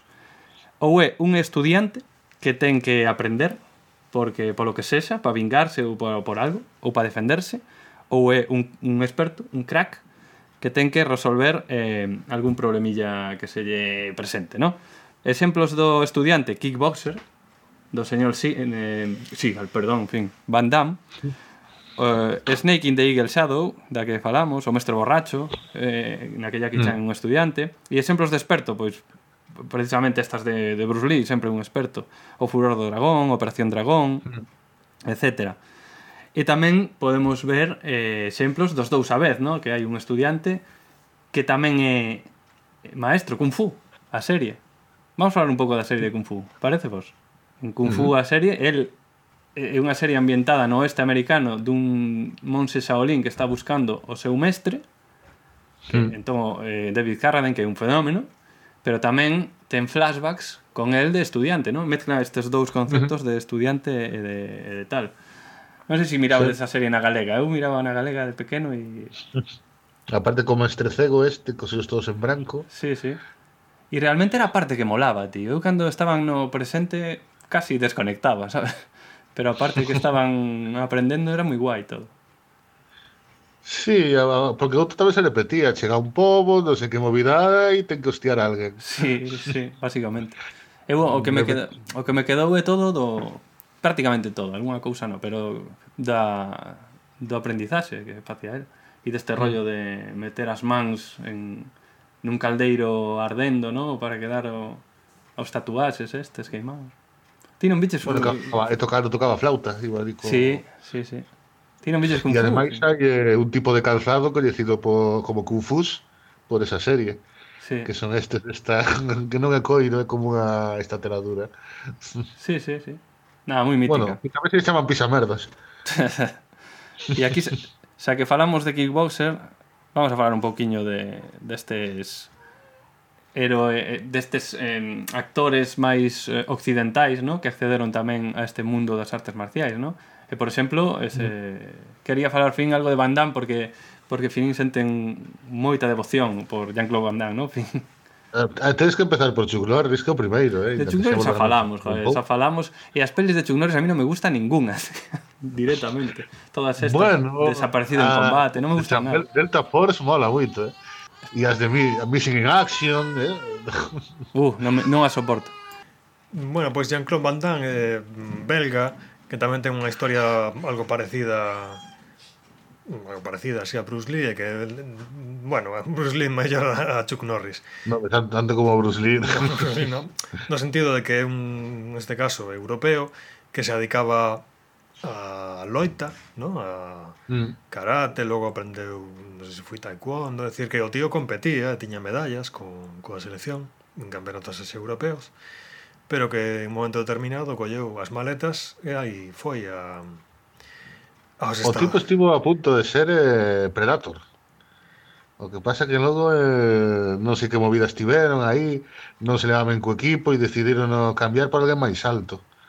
Porque ao final o que fixo de Predator eh, non sei se era un xogador de básquet ou algo así. Pero casi empeza por aí. E logo hasta que, bueno, con Kickboxer creo que a primeira, non? Sí, unha das primeiras, creo que empezou así. Kickboxer ou Bloodsport, agora xa era... Non sei, pero o curioso destas pelis de Van Damme é que se miras as portadas orixinais son todas iguais, son idénticas, a mesma pose de mostrando aí o brazo musculoso e, e pouco máis, sabes? E o que me resultou así máis gracioso da biografía de Van Damme e o tío demostra en algunha das súas películas é que o tipo bailaba, baila realmente.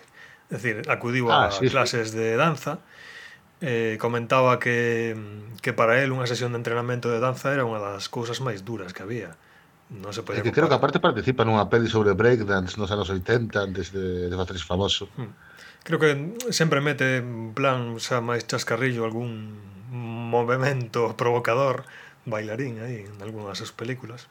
Home, hai o, o meme famoso este do, do Bandán Fulan ba, bailando coa, coa dúas chavalitas aí, coa música esta como de vallenato. Uh Supoño que xa, xa, xa coñecedes eh, un meme moi mítico. E tamén ten un punto que a veces, a veces, eh, está ben porque mete un pouco de sentido do humor, ¿no? É dicir, quita un pouco desta seriedade ¿no? da, dos combates que é o que motiva todo o que estábamos dicindo, ¿no? o combate contra o malo, etc. etc. E unha das cousas máis simpáticas é esa, que a veces o tío é capaz de rirse un pouco de si sí mesmo. E na conto mm. desto, hai uns anos, gravou unha, unhas imaxes súas en pantalla verde, facendo un pouco así, un pouco parvo, dando patadas, e saltando, para que quen quixese as utilizase, non? Podías pues, descargas Ah, esas. sí, sí, esa sí porque o, o, o hai un humori, humorista Jorge Ponce traballando bueno, programa masterar a existencia que ten utilizado esas imaxes para facer eh, Pois pues o tipo dixo, vou me río un pouco de mí mesmo e eso, gravo isto, fago parvo aquí. No, pero aparte, aparte xa non solamente iba anuncio este que fixera tamén fai pouco, que está sobre dous camións, aí todo espatarrado, porque a, a marca da casa de Van Damme o, o espatarrado. Sí, sí, o Espagar este que foi en casi todas Sí, o Espagates aí o Mansprit eh... E bueno, o delirse de si sí mesmo, pero clarísimamente porque xa nun momento dado, eh, no, é 2008, creo, eh, que falla a peli esta de JV... No, espera, J... Jean-Claude Van Damme. JCVD, eso sí. é. Na que un pouco eh, se analiza a si sí mesmo como persoa e tal, eh, e chegou a e máis adiante a facer eh, hai unha serie de televisión agora actualmente, bueno, eh, creo que en Amazon onde están, onde fai un pouco de coña de si sí mesmo, como que el é un actor, pero ten unha vida secreta na que é un iso como un agente secreto, eh, en plan de iso, de héroe de acción talludito, xa, xa maior, de todo tipo. Pero bueno, ¿quién da idea? Banda, a mí o que máis me mola, eh, dos... dos... Xa, porque logo da, da, da época esta tamén está o este, el guerrero americano... Michael Dudikoff. Michael Dudikoff, pero que ese non, ese non prosperou moito, a no. parte dos 80 non... Nada. nada non nada. chegou moito máis. Ese salía na, na película esta de Tom Hanks de Despedida de solteiro, sabes? Na do burro. Xa, xa. Salía el... Así como Van Damme eh, prosperou e tal, que iso, que realmente Van Damme empezou eh, facendo de artes marciais para logo directamente ser un héroe de acción e punto. Sí, sí, sí. Xa, non facía falta que dera patada, sin que asgaba, pero... Fíxate, fíxate que Chuck Norris tampouco... A ver, fixo esas pelis que diste que tuveron varias partes, pero non fixo moito máis, eh? fixo a serie esta de Walker. Mm, bueno, eh, te, te moitas pelis ao longo dos anos 70 e 80, eh? Sí, pero non, non chegou a ser Arte tan estrela. Club, eh, pero... Non chegou, chegou a ser tan estrela como, como os talones, eh, Schwarzenegger, evidentemente, pero ni sequera como Van Damme, eh? Mm... Penso eu eu penso que realmente porque o deixou a principios dos 80, porque non, non sei. É que por exemplo a de Estuvo nunha serie de moitos anos, eh, esta. esta eh, ah, a de Walker, a, a que sí. se enfrenta con David Carradine ademais, como se chamaba, Finini? Creo que Lobo Solitario. Lobo Solitario esa. Hostia, esa é moi mítica. E a de Delta Force, coa moto esta que ten o lanzacohetes, tamén é moi mítica. Sí, sí, son, son... O que pasa é que probablemente xa máis dos 70 que dos 80. Xa a partir de dos 70 o tipo como que deixou. E claro, Van Damme ou incluso Steven Seagal xa foron de finais dos 80 xa aos 90. Seagal outro, ¿no? que se dedicaba a romper romper sí. brazos y cosas así. era o seu, sí, sí. O seu arte marcial era eso. Estes estaban máis limitados actoralmente. É dicir, tiñan un... Luego, xa, xa deu tamén a Jet Li por aí, eh, que tamén eh, eh, a partir dos 90, que se... Bueno, iso. Que sí, pero eso falaremos despois. Das de súas mm. pelis orientais xa chega a Hollywood. Sí, Sí, un pouco como Jackie Chan eh, e como Bruce Lee tamén. Máis, máis serio que Jackie Chan, a verdad, porque Jet Li para mí no, como actor no... No, no. Dixo tamén... Bueno, pero eso falemos un pouco máis adiante. Vamos a, a última característica que puxen, que son os combates en sí xa non tanto o combate como, como punto de xiro ou como, como feito que move a trama, senón o combate en sí, o, mm, a, a estética do combate, non? Entón mm. temos moi, como moitísimas eh, fórmulas, temos un rollo como máis eh, desde a verdade, desde querer eh, recrear un combate de verdade, outro como máis gore, outro máis estilista, con esas sombras, eses fondos de colores, ¿no? non? E aquí non sei que se vos ocurre, pero por exemplo, Kill Bill, por exemplo, que intenta imitar este, esta estética, ou mm. o propio Game of Death, que falábamos que, que se ven como moitos estilos de combate en, nas, eh, nas loitas. Ah, ah. non sei se vos ocurre algunha peli que destaque así neste, sí. neste sentido. Hai, hai unha que non é exactamente os combates, pero que ven por aí os tiros, que é das 36 cámaras eh, Shaolin. Mm. Non sei se vos sona, que sabe Gordon Liu, que logo fixo do, do profesor de Kill Bill, do Pai Mei. Ah, non, non sei. Eh, sí, pois, pues, a, a, esta película que digo é mítica de principios dos 80 e aí o que te vas unha coña porque o tipo entrena, se, che, busca vinganza, entón hai un templo Shaolin a aprender e entón eh, aquí non é tanto combate como entrenamento e as diferentes técnicas, cada un coa súa coñita e a súa movida que va, eh, digamos que non hai máis trama na peli que iso, tipo entrenando de diferentes maneiras hasta chegar ao final que son os combates. Sí, sí.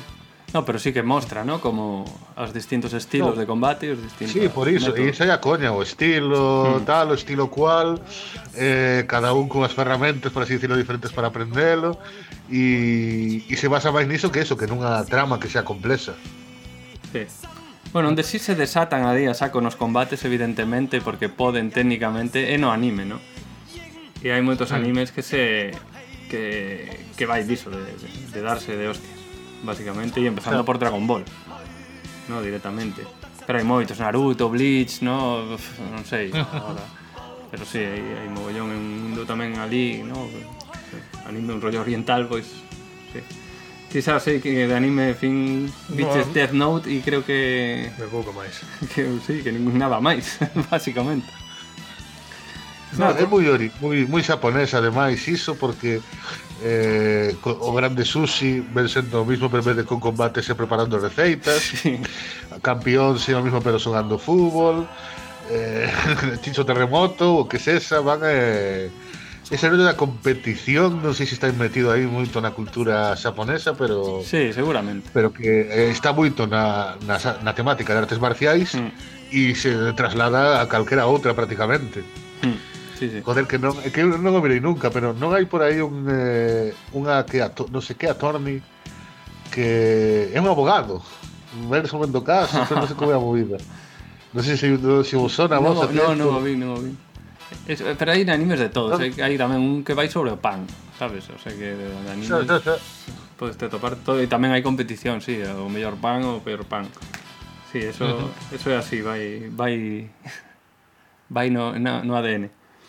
Nada, xa que falaches de temática, vamos cos grandes temas que se tocan nestes, nestas películas para rematar este bloco. E o grande tema que está en máis películas é a vinganza, ¿no? o tema estrela tanto neste subxénero, digamos, como en moitos outros, ¿no? pero a ver, o gran xefe mismo de Big Boss, eh, Kill Bill, Kickboxer, ff, hai mogollón de películas que a vinganza é o, é o motor ¿no? da, da trama. Sí, son primarios, son como algún western, ¿no? Así no, non sí, ten sí, demasiado... Sí, no, un pouco iso, hai nos western, hai ne, nas pelis de acción, en Seralo, da vinganza é tipiquísimo. Sí, porque é o, claro, é a excusa perfecta a excusa perfecta mm. para montar unha película de, de piñas. E ante todo hai que cuestionarse mm, realmente vale a pena aprender un arte marcial para zuparlle a outra persona mm, porque todo se move. Aí son, aí son anco a, a catarsis, porque o, o bo da temática de vinganza é a catarsis final hmm. que é conseguir esa, esa vinganza. Sí. Sí, sí. Por eso as mellores pelis de vinganza son as de as de surcoreanas, porque ao final hai a catarsis e o girito, e entón non disfruta da vinganza. o protagonista. o girito. Claro que falas da triloxía da venganza ou... Por exemplo, e doutras máis, eh, é moi, moi, moi típico da, das pelis surcoreanas. A triloxía da venganza moi, Porque, moi recomendable. Eh, introduce un elemento filosófico, ¿no? que cuestionarse se si vale a pena, se eu lle dou a este o que me fixo a min, No, eso é a cuestión que teñen que teñen todos. Eu, eu que vou é, va, xa simplemente pola a que decía eu da, da triloxía da vinganza esta do destino surcoreano, que na maioría das veces se chega unha catarse e a vinganza merece a pena, o que mola das pelis destas surcoreanas é que a vinganza ao final non paga a pena. Claro, que comenta Finin, que, que se mm. pregunta si, a ver, todo isto para que? Porque na serie esta que decíades vos, este es, eh, eh Daniel Sassen convierte se convirte no seu rival, é dicir, se convirte no rubio, ¿no? No, no, non chega no, a ser tanto, tanto, pero un pouco sí, sabes? É, bueno. É dicir, peca de non é tan non é tan branco e negro, non? Non se non por eso non non se convirte no outro, simplemente unha cousa así. Afondan nas personaxes todas, sabes? Non no, pero non se convirte no malo. Claro, da, da película. E fíxate que en Karate Kid o, o rubio este o acabar dalle o trofeo a Daniel San e dille merécelo, merécelo ou algo así. Uh -huh. Sí, sí. O que o chungo chungo realmente é o profesor. Sí, logo en Karate Kid 3 volve o tipo. Sí, Aí, sí. A vinganza, esa é a vinganza do, do vingar. Do malo, sí, sí. que, que, que se asocia cun coletas aí, cun... cun... Sí, sí. Ah. Mítica. Que non sei se igual sale na temporada 4 ese coletas da, de Karate Kid 3, eh? que entrena a Daniel San na, na 3 Daniel San como que se pasa ao lado oscuro pero despois volve. E a chavala, a hoste, como se chama? Elizabeth Su no, está. No, a... Karate Kid 4 que ah, a, a chica... eh, eh, hoste, cal é actriz? Sí, a de, non é a de Million Dollar Baby?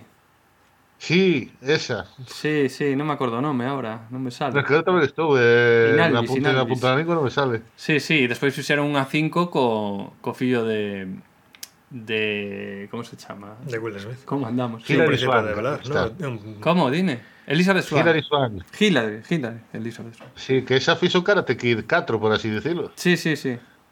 E o fillo de Will Smith Karate Kid 5. Nada, pois seguimos co, con grandes temas deste xénero Outro é a injustiza ou protección mm, dos inocentes ou tamén lle podemos chamar eh, equipo A, ¿no? rollo equipo A chegar a un sitio que están mm. fatal tamén moi western, ¿no? por outra parte de os sete, eh, os sete samurais os sete, moi os, os sete samurais sí, realmente. sí, sí. e por exemplo as de, as de Jackie Chan son tú casi todas así neste plan ou as de Seagal, por exemplo chega Seagal sí. e ten Seagal, que avanzar sí, un defensor de causas perdidas en... Sí, sí, e que os malos son moi malos, ¿no? que sempre son unha organización así chunga. E ecologista o Steven Seagal, sí, sí, indios. Esta, esta que ten co, en Alaska ten unha mistura entre ecologismo e misticismo aí moi extraña. En terra peligrosa, chamase. On sí, deadly ground. Ten unha especie de visión entre contacto cos espíritus antigos, sí. etc. El vai como de indio. ¿no? Uh. No de indio, pero sí de, sí, de ser un, un pouco... Eu creo que un popurri que fixo el ali. Personalmente a min Steven Seagal, a verdade é que non me gustou nunca.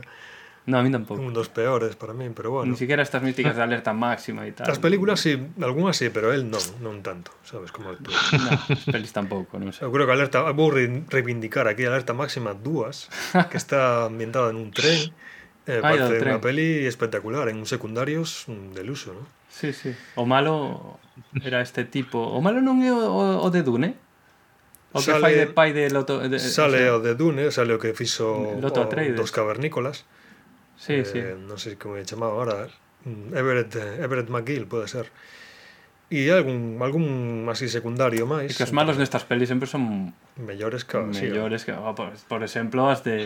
Estou pensando agora nas de Bruce Willis, tío. Os malos sempre son... potentes. sí, dabañe, é que se non tes un, un digamos que un rival con algo de carisma, Hmm. No, Por eso os malos de James Bond tamén son son máis interesantes. Son papéis que, que as estrelas queren facer. Menos Bardem. Bardem fixo? Pero por eso menos Bardem. Ah, pues, a ver, Bardem non está mal, joder. Ah. Vale, sí. Como outra cara da moneda da injustiza está a corrupción, ¿no? Cando a vez que, que mostras estas estas injustizas, mostras estas mafias e estas estas bandas eh, tal, pero sempre con este maniqueísmo, ¿no? De os malos son moi malos e os vos son moi vos. Isto se, prácticamente pasa sempre. E aquí quero introducir o que decíamos antes a, ao señor Donillén, que como xa falamos del, non sei se xa pasaron un pouco del, no? O, o de Rock One. Que é un tipo que tamén salta, o sea, que é un tipo, é yankee o tío.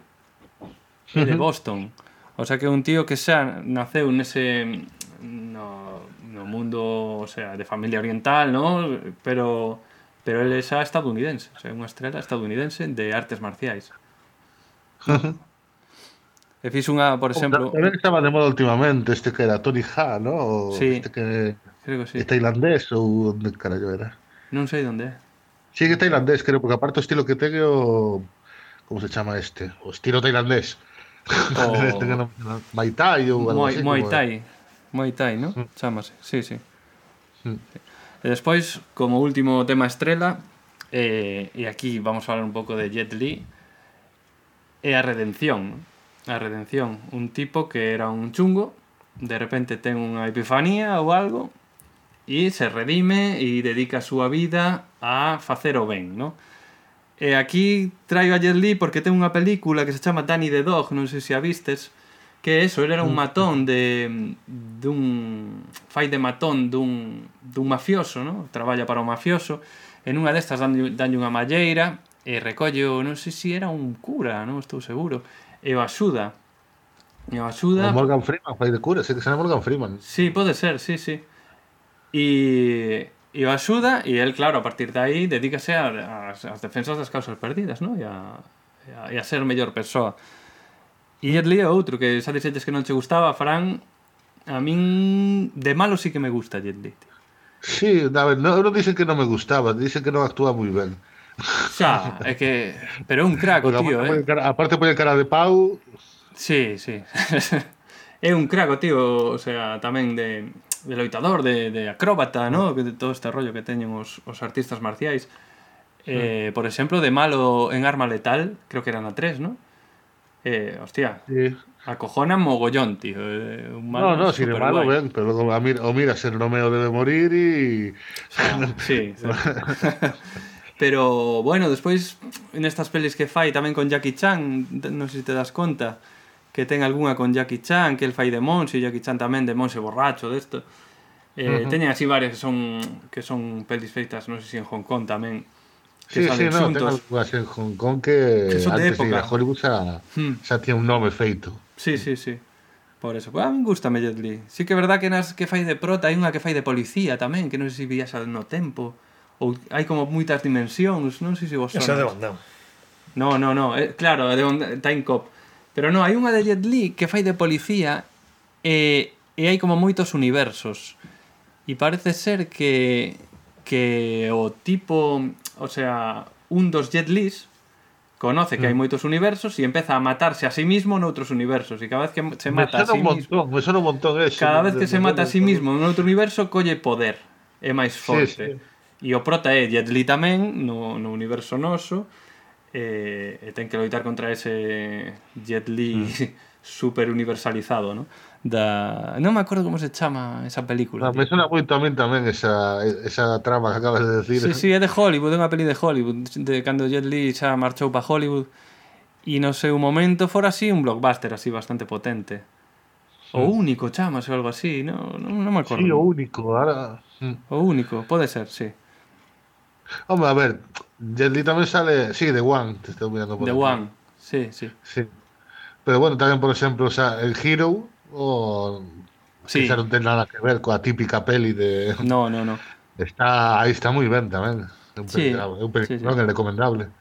Sí, claro que sí. No, tamén quería falar un pouco, ahora que falas de, de Hero, eh, elementos que, que doita ver non nestas películas. Xa falamos tamén dos do, torneos, é moi típico que nunha peli destas Ah, hace un torneo, non? Xa falamos da, da de mm. Bruce Lee, de, de, a do torneo de Enter the Dragon, non? ou mm. kickboxer hai un torneo, pois é, é típico, non? Que hace un torneo de karate. E logo na eh, como iso se trasladou tamén aos videoxogos, as pelis que adaptaron videoxogos sobre artes marciais, Efectivamente. É que tiña aquí, agora falamos de videoxogos, porque o torneo é a, é a base deste xénero de videoxogos no? de Street Fighter, no? basicamente mm. Street Fighter eh, realmente que hai trama na película Na película, pues, ay, a película é moi mala, tío. Moi extraña, ¿no? Este... sí, a de Van Damme decides. Eh. Sí, a de Van Damme sí. está Raúl Julia, que É que se non houbera trama, sería mellor a película. Fíxate o que che dixo. Se si fora o torneo xa está sería mellor a película. E sobre todo que o, o tiña que ser o bo o, o Yankee este, como se chamaba? Will. Sí, que destino, joder. Eh, o, mí... bo de, o bo de Street Fighter é o Ryu, o, Ryu. o Ken. É, Ryu. é que sí, sí. Ademais, eh, Will eh, de, en Street Fighter era o personaxe que menos me gustaba a min, tío. De, de, é capaz, do videoxogo. Como de chulerías, de americanos, yankees. Sí, sí, Aí sí. estaba que, o, que o xogo era, estaba feito en Xapón. Sí. E entón vamos a burlarnos dos soldados yankees. Sí, sí. Oh, me tiñalle moita manía a Will.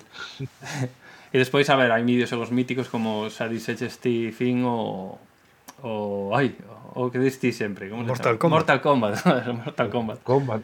Que foi un protagonista, moi protagonista ese videoxogo nesta nesta mítico duelo de Nintendo contra Sega. Porque mm. Sega mm. tiña o xogo con violencia, con sangue e Nintendo tiña o capado de sangue. Entón aí eh... Sí, o que máis chama a atención, bueno, Os que de Xega apostaron por non censurar, non? Sí. Justamente. E foron os que venderon máis. Sí. Pero que chama a atención que eran imaxes de fotografiadas, non? Como de, mm. de personaxes reais facendo as súas, non? Había os trucos. No, para... Ya... Mm. O que molaba que a xente se flipaba xogando xa non era para pasar fase, para intentar facer o fatality. Sí. Non había as diferentes combinacións para os diferentes fatalities e tal. Sí, e era un, mm. é un rollo que mola destes xogos en xeral, non? Intentar buscar as, as técnicas que ten cada xogador, que ademais era cada personaxe, que ademais era distinta cada un, non? Que tiña... Eu era do, do tipo que levaba un sombreiro e tiraba rayos. E logo tamén hai este, xa máis adiante, eu xa ni sequera xoguei, Cal? A, a, o das chavalas este Dead or Alive, non? Dead or Alive, sí, sí, sí. sí eso xa non cheguei a xogar. Eu tampouco. Porque tamén fixeron a súa película e tal, e aí, claro, o chiste era tías buenorras pelesando. Eu xoguei de, de loita, a verdad. Tiña un no, no Amstrad que se chamaba Karate Más, Karate Plus, que hmm. era un karateka contra outro, basicamente. E despois o Tekken era é un moi, moi, moi mítico da, ah, da tá, Play. Ah, tamén era moi mítico. O Tekken e... Pero... que os de tamén non me... Non, eu era máis dos beaten up dos de ir avanzando y dando de hostias. Street of Rage, ¿no? E este rollo. Sí, o Street of Rage e así. Sí, sí, eu tamén, eh. eu xoguei o, o Street Fighter porque era, a ver, había que xogar, xogaba todo o mundo. Sí, efectivamente, porque e había que xogar. E o Tekken tamén un pouco por eso. Porque o Mortal Kombat non, non, non xoguei tampouco, o Mortal Kombat. Xoguei mm, catro partidas. Finín te xogado moito Mortal Kombat. Sí, porque era porque un dos poucos... Lembro que tías no ordenador, Finín. No ordenador ou na Master 2, non estou seguro. A mí me suena de, ter, de que o tienes en ordenador, además, el ordenador... de tío tío, irmán, de un moito. Mm, pode ser. Sogando coas teclas aí, claro, Non había máis remedio. Claro, joder, eso, eso, eso, generación teclas. Eh, nada, eso, a competición e os torneos. Esa falamos de videoxogos. Outra, claro, outro rollo que mm, elemento é meter his, rollo histórico. E este este xénero que se chama buxía, non sei se si vos coñecíades o término, buxía sí, con sí. W, que son estas pelis Tigre e Dragón, a Hero, estas que dixeches ti de é como histórico, pero con ese rollo fantástico que, que usan cables ás pelis de samuráis, pero en China. Sí, básicamente, pero teñen este elemento semifantástico, sabes? De que saltan 10 A metros. los cables, sí. A Eso. típica película dos cables. Eso, Que eso, van voando e tal. ese rollo. Que está moi guai, que Que antes eran pelis, pelis que xa, xa nos anos 60, mira, ese tipo de películas. Sí, sí, sí, sí, sí, en Hong Kong, no cine de Hong Kong dos 60 xa, xa estaba todo feito. Pero Tigre e Dragón, por exemplo, é un... Eh, deunas a conocer así como en, en Occidente, ¿no? E foi como unha sí. peli moi icónica. Xa de Hero, que decíamos antes tamén. Sí, pero xa posterior. Eh, Tigre ah. Dragón non ganou Oscars, Tigre, Tigre Dragón. Creo que ganou algún Oscar. De Ang Lee. Creo que sí, creo que sí. E despois están os biopics, como Ip Man, hai un de Ip Man, que, sí que fai o... Hai un ou dous, ou tres, eh? Sí, hai, hai moitos, pero o que me refiro eu é un que fai Donnie Yen, que, que foi así como dos máis coñecidos e tal. E despois está o humor, que tamén cando introduce un humor, como en Rush Hour, como en... E despois, claro, hai películas como Confusión, non sei se a vistes, ou como a da salchicha peleona, que tamén son, son pelis que, bueno, utilizan este rollo. A ver, a, a de Confusión, eh, ou a, eh, que é do mismo director e actor de Shaolin Soccer, sí. que tamén outro peliculón, sí, sí. Stephen Chow, ten a súa, ten a súa collita o, o Stephen Chow esta parte claramente humorista, o tío. Sí, o sea, cando está guai. Intentas eh. as primeiras pelis, o tipo era humorista. Pasa que logo deulle por meterse máis no nisto da do das artes marciais e tal, ni, ni siquiera creo que sea el o coreógrafo. Xa, xa. Pero claro, dai o toque da fantasmada, é eh, decir, Shaolin Soccer en concreto, que a mí que me encanta, é eh, Son Goku xogando fútbol, joder. sí, joder, ten ese elemento, sí, sí, de, de desfase, bueno, e logo, de exageración. O de confusión, ten delito a doblarse que fixeron aquí. Eu mire, acórdome que pillei no videoclub. Esa peli mireina de, de videoclub, imagínate, fai cantos anos. Si eu baixara de internet, pero claro. Infusión. Pero joder, un con acento andaluz, outro con acento de non sei que, sí, outro sí. era un cachondeo. Sí, sí, sí. Pero bueno, non estaba mal, aparte de eso. No, botas unhas risas, eh. E bueno, eh, despois está a animación, ¿no? Kung Fu Panda e todo este rollo, xa máis para cativos e tal que non está mal, que ahora incluso hai unha serie de dibuxos, son estas estas pelis de animación que trascenden, ¿no? Eh, uh -huh. empezan a facer pelis, empezan a facer outras cousas así. Que expanden o, o universo, ¿no? Entón vamos rematando este bloco 3 e con esta música ábrenos as portas ao bloco 4.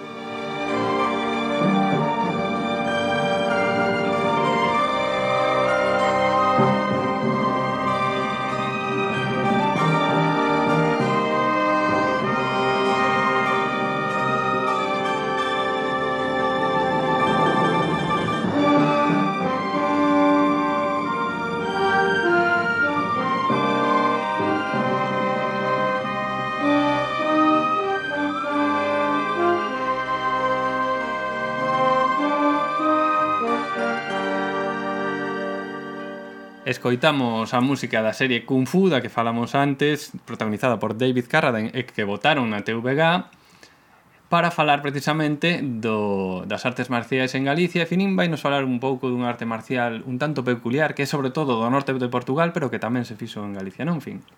Ao mesmo xeito que decías, sí, que na Zanove se fixo unha serie de, de estandarizacións destas loitas, pois efectivamente en Portugal eh, a mediados do 19 Mm, se chegou a establecer unha federación, unha asociación e incluso unha federación deportiva, no? deste xogo do pau ou barapau, que é unha arte de pelesa pois eh, centenaria, no? de do norte de Portugal, especialmente da zona de Trasos Montes, e tamén mm. de, de Galicia.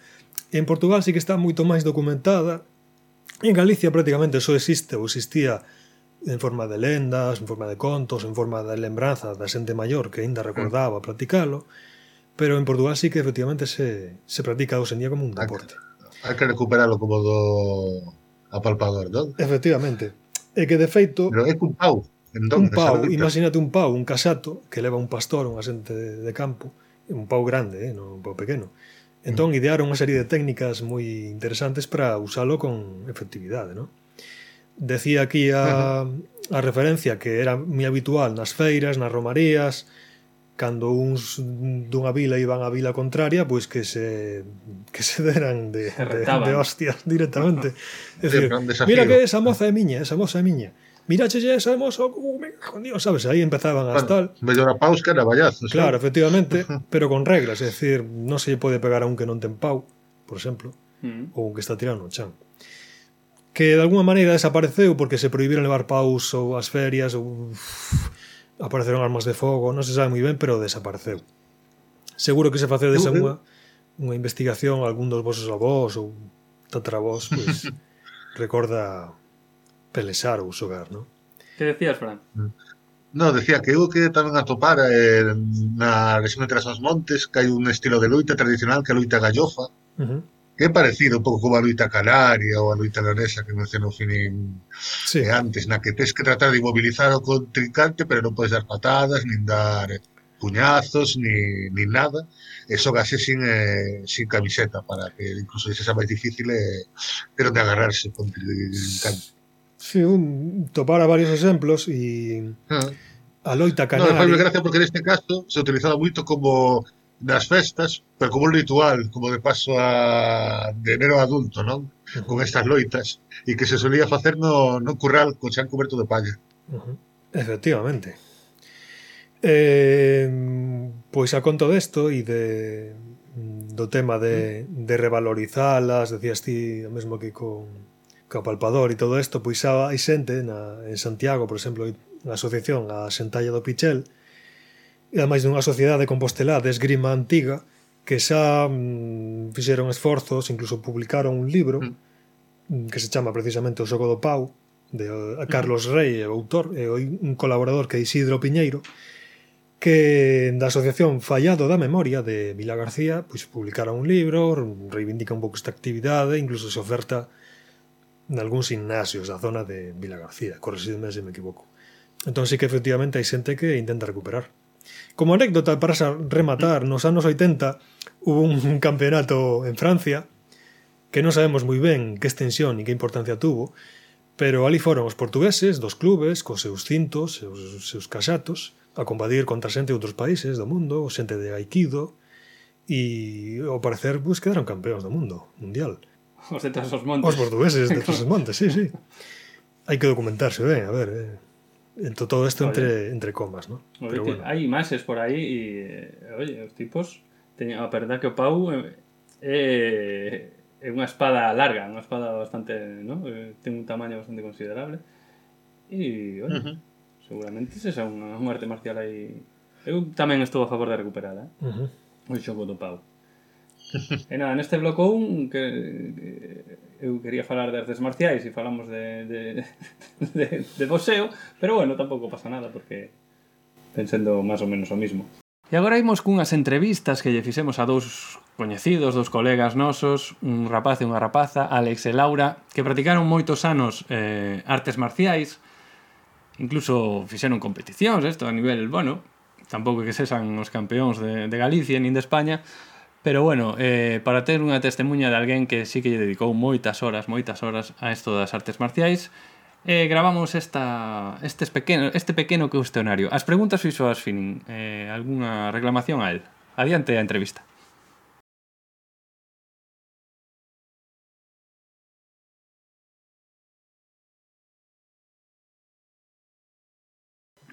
Está connosco Alex, enfermeiro e colega.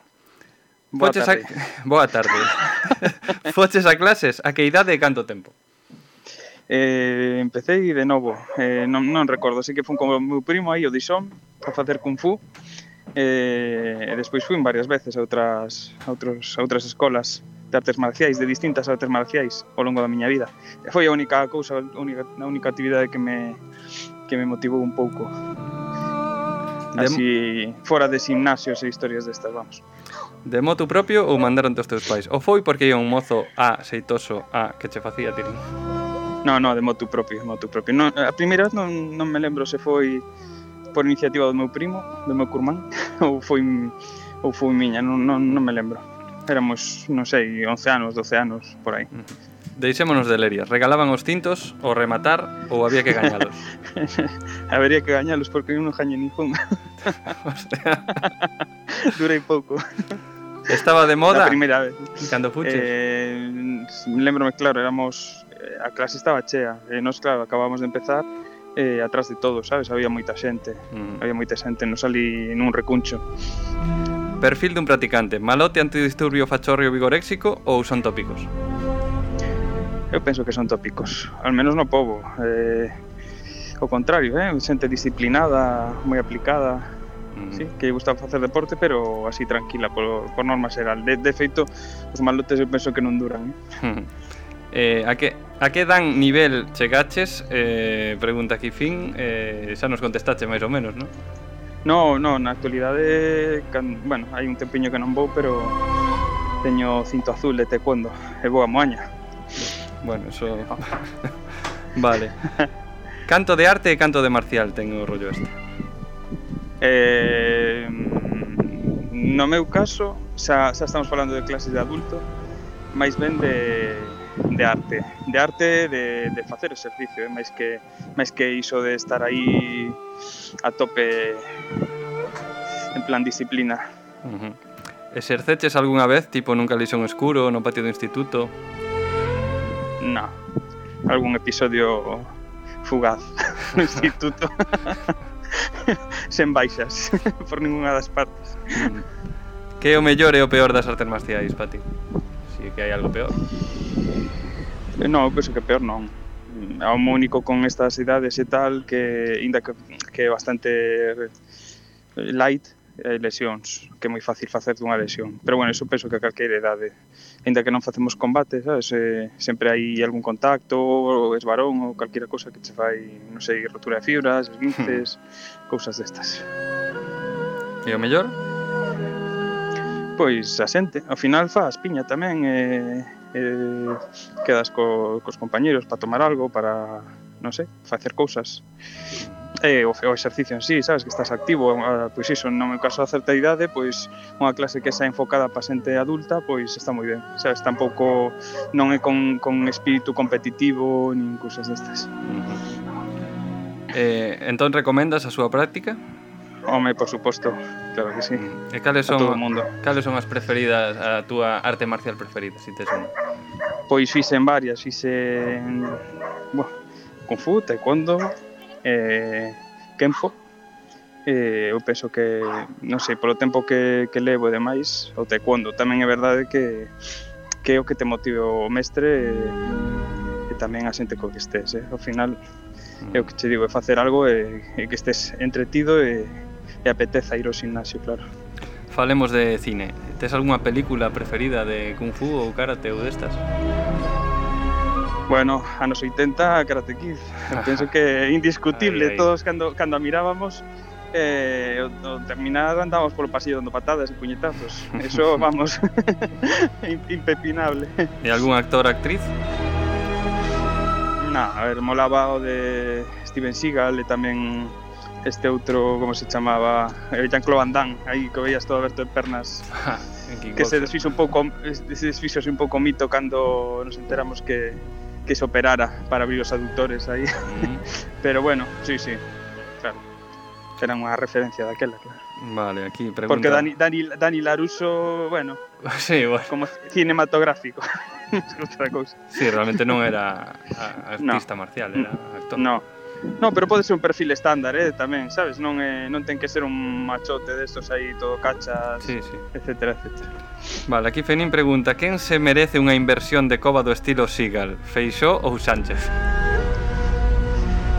Eh, pasamos de pregunta. que políticamente correcto este señor. Sí, Sempre. Sí, sí. Así me gusta. Ou non me gusta. Pues, no, é que non, saber, non sabería por quen decantarme a estas alturas, eh, a verdade. vale, e para rematar, ofrécenos unha patada voadora virtual podcasteira, o sea, un berro tipo Kung Fu. Eh, ya. vale, pois moitas gracias. Lamentable. Moitas gracias por participar. Ala. Nada, graciñas a vos. Chao. Peña. Chao. Falamos coa actriz Laura Villaverde, que entre outras cousas tamén é cociñeira de crepes e paseadora de cans. Moi boas, Laura. Aí van as preguntas. Foches a clases a que idade e canto tempo? Pois fun, eh, pois tiña cinco anos, foi a primeira clase de cinco para seis, pois estuven hasta os 14, case 15, ponlle nove anos, unha cousa así. De motu propio ou mandaron os teus pais? Ou foi porque ia un mozo a moi exitoso a que che facía quintín? Podía ser o do mozo, pero non. O a cousa foi que que iba meu irmá que era maior e que chegaba pois facendo kung fu a casa e a min apetecía porque quería aprender. E, e bueno, a verdade é que sempre me, me gustou aínda a día de hoxe. Así que non, non, eh, quería con todas as, con todas as ganas sí, sí. Eh, deixémonos de lerias. Regalaban os cintos ou rematar o curso ou había que gañalos?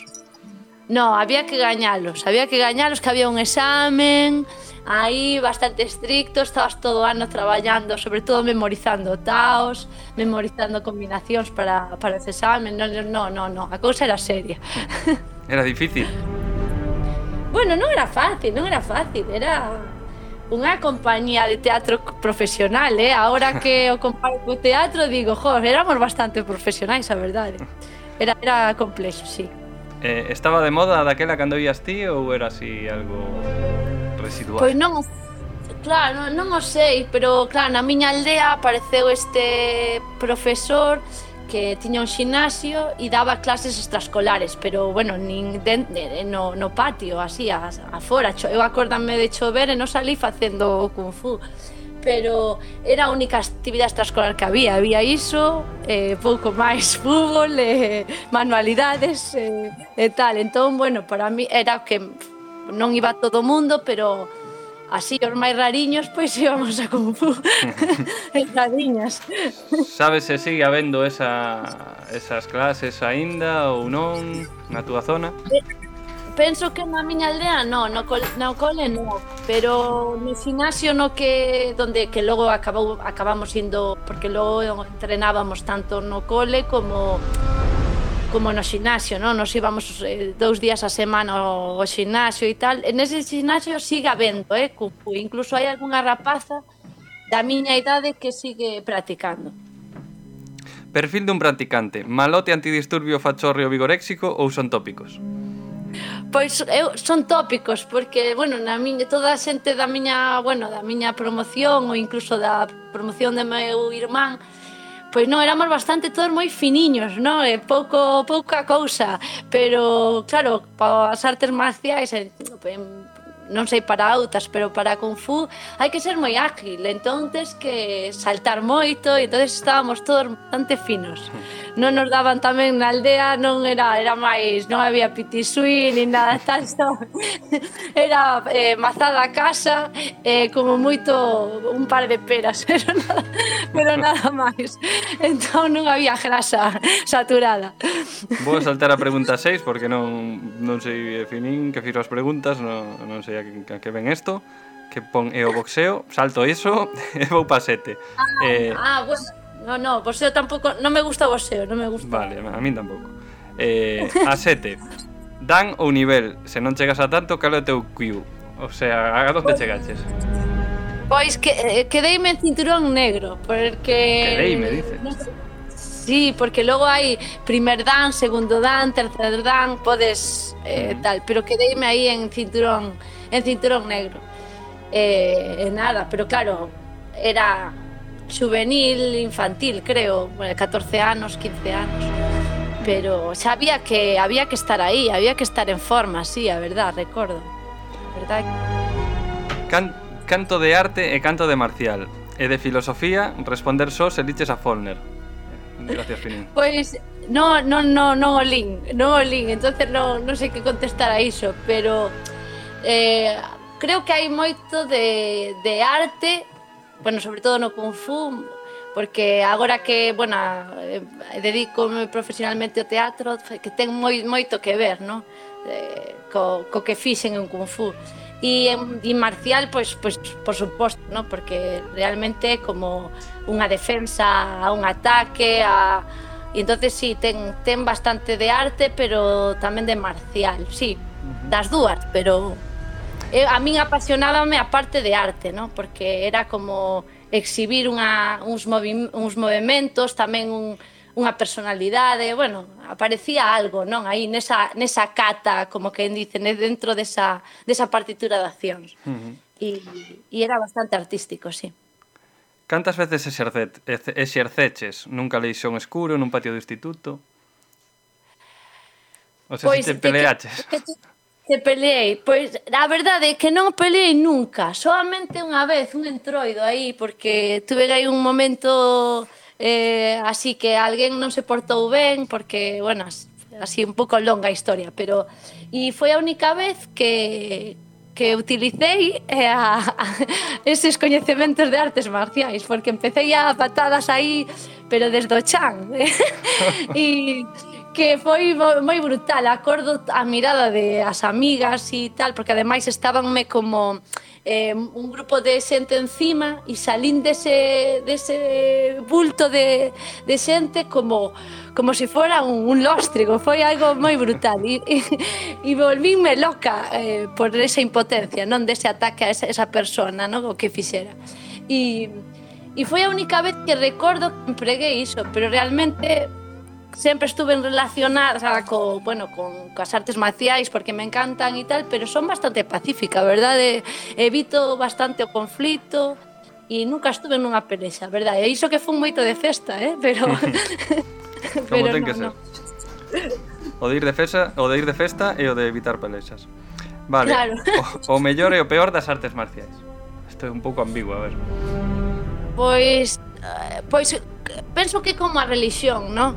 Eh, o mellor é, pois, jove, un lugar para canalizar a túa enerxía e coñez para eh, descubrir cousas de ti, descubrir unha técnica, eh, descubrir o, des, o compañerismo que, que aparece non nun traballo en grupo e unha exhibición non que, que a que te enfrentas tamén a, a equivocarse e eh, a ser disciplin ter unha disciplina non de traballo pero ten a outra parte que é como a religión, non? Que tes que logo meterte aí como algo máis oscuro, máis profundo. Iso é o que eu descartei desde sempre e para nada entrei nesa, nesa filosofía de creer en algo máis que o que o que realmente aparecía físicamente. Eh, o sea que recomendarías a súa práctica? De cal é a túa arte marcial preferida ou a que practicas? Pois eh, sí que recomendaría, sobre todo por os valores non que, que, que eu aprendín facendo, facendo Kung Fu. Eh, solo coñezo Kung Fu, entón sí que fixen algo de, de, de artes escénicas para, para pues, luita escénica e cousa, cousa, cousas así, pero pero a verdade é que me quedaría co Kung Fu, non? Ten, ten moita rapidez, ten moito humor, eh, eh, é rápido, ah, gústame, quedareme co Kung Fu. E recomendaría yo eh, a, a todo o mundo, a todo o mundo, sí, mm. a verdade é que sí. Falemos de cine, peli, actor, actriz eh, de artes marciais preferidos? Ou se oh, non oh, ahí... un ranking? non sei, pero por exemplo, a peli así de artes marciais que máis me gustou e que máis me apasionou foi Primavera, Verano, Otoño, Invierno. Esa foi como a... E Primavera e primavera, sí. De King Esa foi si a... Sí, sí, sí. Esa foi a que máis jo, me, me, tamén me recordou a meu aprendizaxe, non? Que tiña todo estaba envolto de, de, de, de, de, de, eso, de, de algo misterioso, non? Sí, sí. E, e eso, eso gustoume. Eh, pois eu que sei, de mulleres a actriz así que máis me gusta é Maggie Q, non? Esa é como é elegante, pero é rápida, eh, é moi voadora, é... Mm. Buah, esa molame. E, que de, de, de actores, eh, Robert Downey Jr. tamén me parece genial, pareceme tamén hai que sobre todo me gustan os actores que empregan as artes marciais, pero que que non parezan que fa, que saben que que sorprenden ao espectador, que de repente fa fa fa. sí, sí, sí. que eso, eso está, non, eso está guai. Non eres moito de Jackie Chan e, e Bruce Lee, non? Bueno, Jackie Chan, no, a ver, Jackie Chan ten algo moi divertido e penso que o Kung Fu ten iso de diversión, pero, por exemplo, Bagdan, Sylvester Stallone, to, toda esta peña, este tal, eh, xa non me molaba, xa non me mola, non, non me gusta moito. Mm. Eh, pero, pero bueno, me quedaría con ese, Maggie Q e Robert eh, Downey Jr. Eses serían os, os Muy meus ben. preferidos. Eh, quen se merece unha inversión de cóbado estilo Sigal? Feixó ou Sánchez? pois eu penso cos dous. Eh, Un para espabilar e outro para es, eh, des despertar Creo que Sánchez necesita despertar e outro eh, espabilar. Ou ao revés, de depende. Pero os dous, eu sabía que E, e para rematar, vamos che pedir que nos ofrezas unha patada voadora virtual podcasteira, o sea, que, que nos fajas un grito de karate ou de kung fu. Como farías? Moi ben. Pois moitas gracias, Laura, por esta charliña. Bueno, gracias a vos.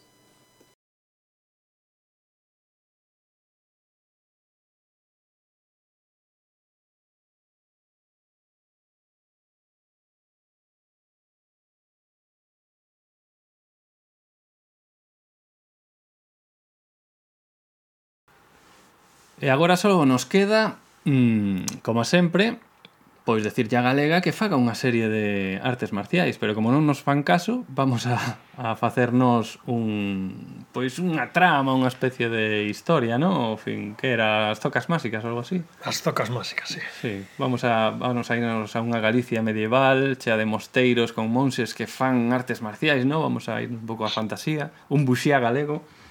E, eh, e nada, vamos a escoitar o trailer. ano 1600 e poucos.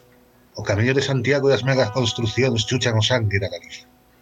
Non queda outra que subir os impostos das cidades e multiplicar o décimo no campo. Dous poderes asolan as terras galaicas. O marqués Son Feijó e o seu exército de monses malévolos e o hiperprelado Son Doujo e as súas monsas asasinas. O brillo que non pague. Como marqués e administrador, Ordénoche que fales, ó oh, conselleiro Zoca de Carballo. Hai que repartir os ingresos, descentralizar, fomentar o sistema de mosteiros, eliminar as monjas asasinas, abrir as comunicacións co Atlántico, negociar cos reinos de taifas. Que lle corten a cachola. Erexes, deberíamos esnaquizar a estes monxes loitadores. Pidichóns, non aportan nada á facenda do camiño. Meu amo son roujo, Chegou o momento de acabar cos desleais. Tan só os monses das zocas poden enfrontarse a esta ameaza. Os poderosos zoca de Freixo, os temibles zoca de Castiñeiro e, sobre todo, os mestres zoca de Carballo. No mosteiro de Monte de Ramo, dous aprendices practican o estilo da farena. Eite machucar, Tompón, e así as miñas zocas de Piñeiro serán de Bidueiro. Eu xa che son zoca de ameneiro, meu amigo Frei Rosen. Non tes nada que facer. Oh, mira cara ao ceo, unha bacaloura. Oh, din que o estilo de bacaloura dos monxes de Sobrado é unha pasada. A ver... Toma, jajaja, así nunca chegarás a ser mestre zoca de Carballo. En San Martín o Pinario, as forzas escuras comandadas por Son Loujo e Son Feijó adestran os monses no estilo maligno da gabota. Collede o sacho, a formar. Arriba o camiño! Fora estranxeiros! grande sonrou. Amada sor de bande, Monjanai, que che parece a nosa instrucción? Non preciso unha lexión de monllas de Santa Clara para perforar a estes casulos. Deixa que cho amose. Ti, papán, como te chamas? Eh, eh, Adelafacio Pario Covadongo, fillo de Marico de Brión e de Coche. Agullas fora! ¡Ya, ya, ya, ya, ya, ya, ya, ya, ya! Malditas agullas de calcetar mortíferas. Un recruta menos. Non tardan en producirse friccións entre os recaladores do camiño e todo aquel que se interpón no seu negocio. No nome do mosteiro de Samos, entregade o voso dezmo, habitantes de Orchán de Lugo. Xa pagamos a semana pasada. Viñeron os soldados de Son Feijó cunha monja. Non me obriguedes a emporcar máis os souciños. Entregádeme o dezmo. Os monxes das tocas atacan. Asiña, avisade as monjas. A única esperanza de liberdade é o ascenso guiado polo mestre Vieiras, do Acibeiro na procura da zoca superior. Frei Sen viaxa até aló para aprender o letal estilo do descanso. Existe un nivel que só se acada unha vez cada varias xeracións, meus pupilos. As zocas dunha árbore mítica nunca vista en Galicia, pois medra no outro lado do mundo. As zocas de eucalipto. Só quen consiga a excelencia plena nos cinco estilos será digno de levalas. Eu acadarei ese nivel, mestre. Moi ben, Frei Rosén. E ti, Son Rajó, a que aspiras na vida? Oh, a casar cunha moza mangallona que me faga bandullo todos os días. Paro! Os monses o casan con Deus. Próximamente na TVG3, as tocas máxicas. Pois este era o tráiler das tocas máxicas. A galega seguirá sin facernos caso porque sempre que... Sí. Creo que van a estrear ahora unha serie na galega, non? Que ten... Non ten mala pinta. Non sei se si, si o vistes. Unha... De que vai? Creo que xa, xa estrenaron o domingo pasado, pero... Eu pillei que collen o... Este como é, Luis Iglesias o... Sí a Carmelo, Matamoros, sí. porque hai un criminal, un fulano que quere ser criminal que o, para que lle ensine como se fai. Ah, non me vale. quedou clara a trama. É vale, que non, vale. Bien, non me quedou clara a trama. Da sensación de que deberon de ter como hubo, debeu de ter medio éxito esta este spin-off do de Sena Moura. A Lei de Santos, non? Sí. Sí, sí. E que te, un pouco aí entre hai entre acción e humor, E aquí tamén se ve que deben de misturar algo entre acción e humor. O sea, que é un tipo que quere ser criminal e dille a, a Luis Iglesias que lle enseñe. Sí que, sí que no primeiro capítulo secuestran a Luis Iglesias. Que vale, fai de Luis Iglesias. Vale, vale, vale. Pois eso, fala, eh, noso tráiler e tal, e saímos despedirnos. Entón, voulle, como, como sempre digo a Finín, non se vou de decir a Fran, as nosas redes sociais, Fran, cales son? Pues en las redes sociales tenemos un Twitter muy bonito, eh, por eh, arroba grucho eh, tenemos un, eh, un, WordPress, un blog ahí muy interesante en Oye, que está guay, mm. Y hay por ahí un Instagram que le va a Camaño, pero no sé si está muy actualizado últimamente. Yo creo que desde 2018 no pongo nada Camaño ahí, pero... No y sei. estaba aí a, a ver cando, empece, cando hacemos un Twitch, estábamos falando, ou sí. polo menos un TikTok, inda que sea, que son máis curtos. Sí, un TikTok. No, un Twitch. Eh, estuve aí metendo no Twitch. Eh, está guai, eh? eh? Sigo varios canais así en galego, todos molan. Eh, Pero claro, quería ese, ese, ese punto anos 90, ¿no? O sea, estuve mirando xogos para, para xogar O que non sei é como intentar xogar varios ou, ou eh, participar varios, porque en varios destes, destes rollos está xogando un, pero hai outros que miran, falan, charlan, sabes? É un rollo así, bueno, para charlar. Incluso se podía facer un, unha especie de mon, monoburrucho, pero mentre se xoga un xogo destes, sabes? Se, sería en plan así... Pero sí, eu creo que vamos meternos aí cando teñamos un pouco máis de tempo, que este mes foi así un pouco caótico. Eh, nada, non sei se deseches a todas as redes sociais, creo que sí, non, non temos nada máis. Si, non todas, casi todas. Sí, no, está ben así, está ben así. Imos crear un fío en Reddit para invertir en bolsa. Borrucho de podcast. Eh, en Reddit, tío, mima. Hostia, ahora co de, Game, co de GameStop e toda esta movida. Sí, nos, nos enriquecemos. non sei se mirastes aí. A... No, no, eh, que pasou? Pois pues, pequenos inversores... Pois, que se puseron eh, aí a, un, uns foreros de Reddit eh, montaron aí un rollo para un pouco lo, lo, bueno, romper unha burbulla en Wall Street con rollo de, bueno, hincharon aí unha sección, unha cosa moi rara. Oh. Bueno, é como se os de Forocoche se invertiran en bolsa sí, sí, sí, para sí, sí. botar unhas risas. bueno, pois igual nos tamén, que pasa, sí, ten razón, fin.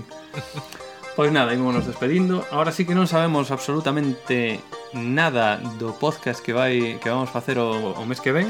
¿No? Temos que ter unha reunión, un debate. Se alguén quere pois eh, como se di cando alguén quere Propoñer. propoñer, joder, vocabulario. Se alguén quere propoñer un tema, pois que o propoña en algunha destas nosas canles eh, redes sociais. E nada, despedímonos ata a próxima. Fin, chao. Chao. Chao. Venga, chao. Chao.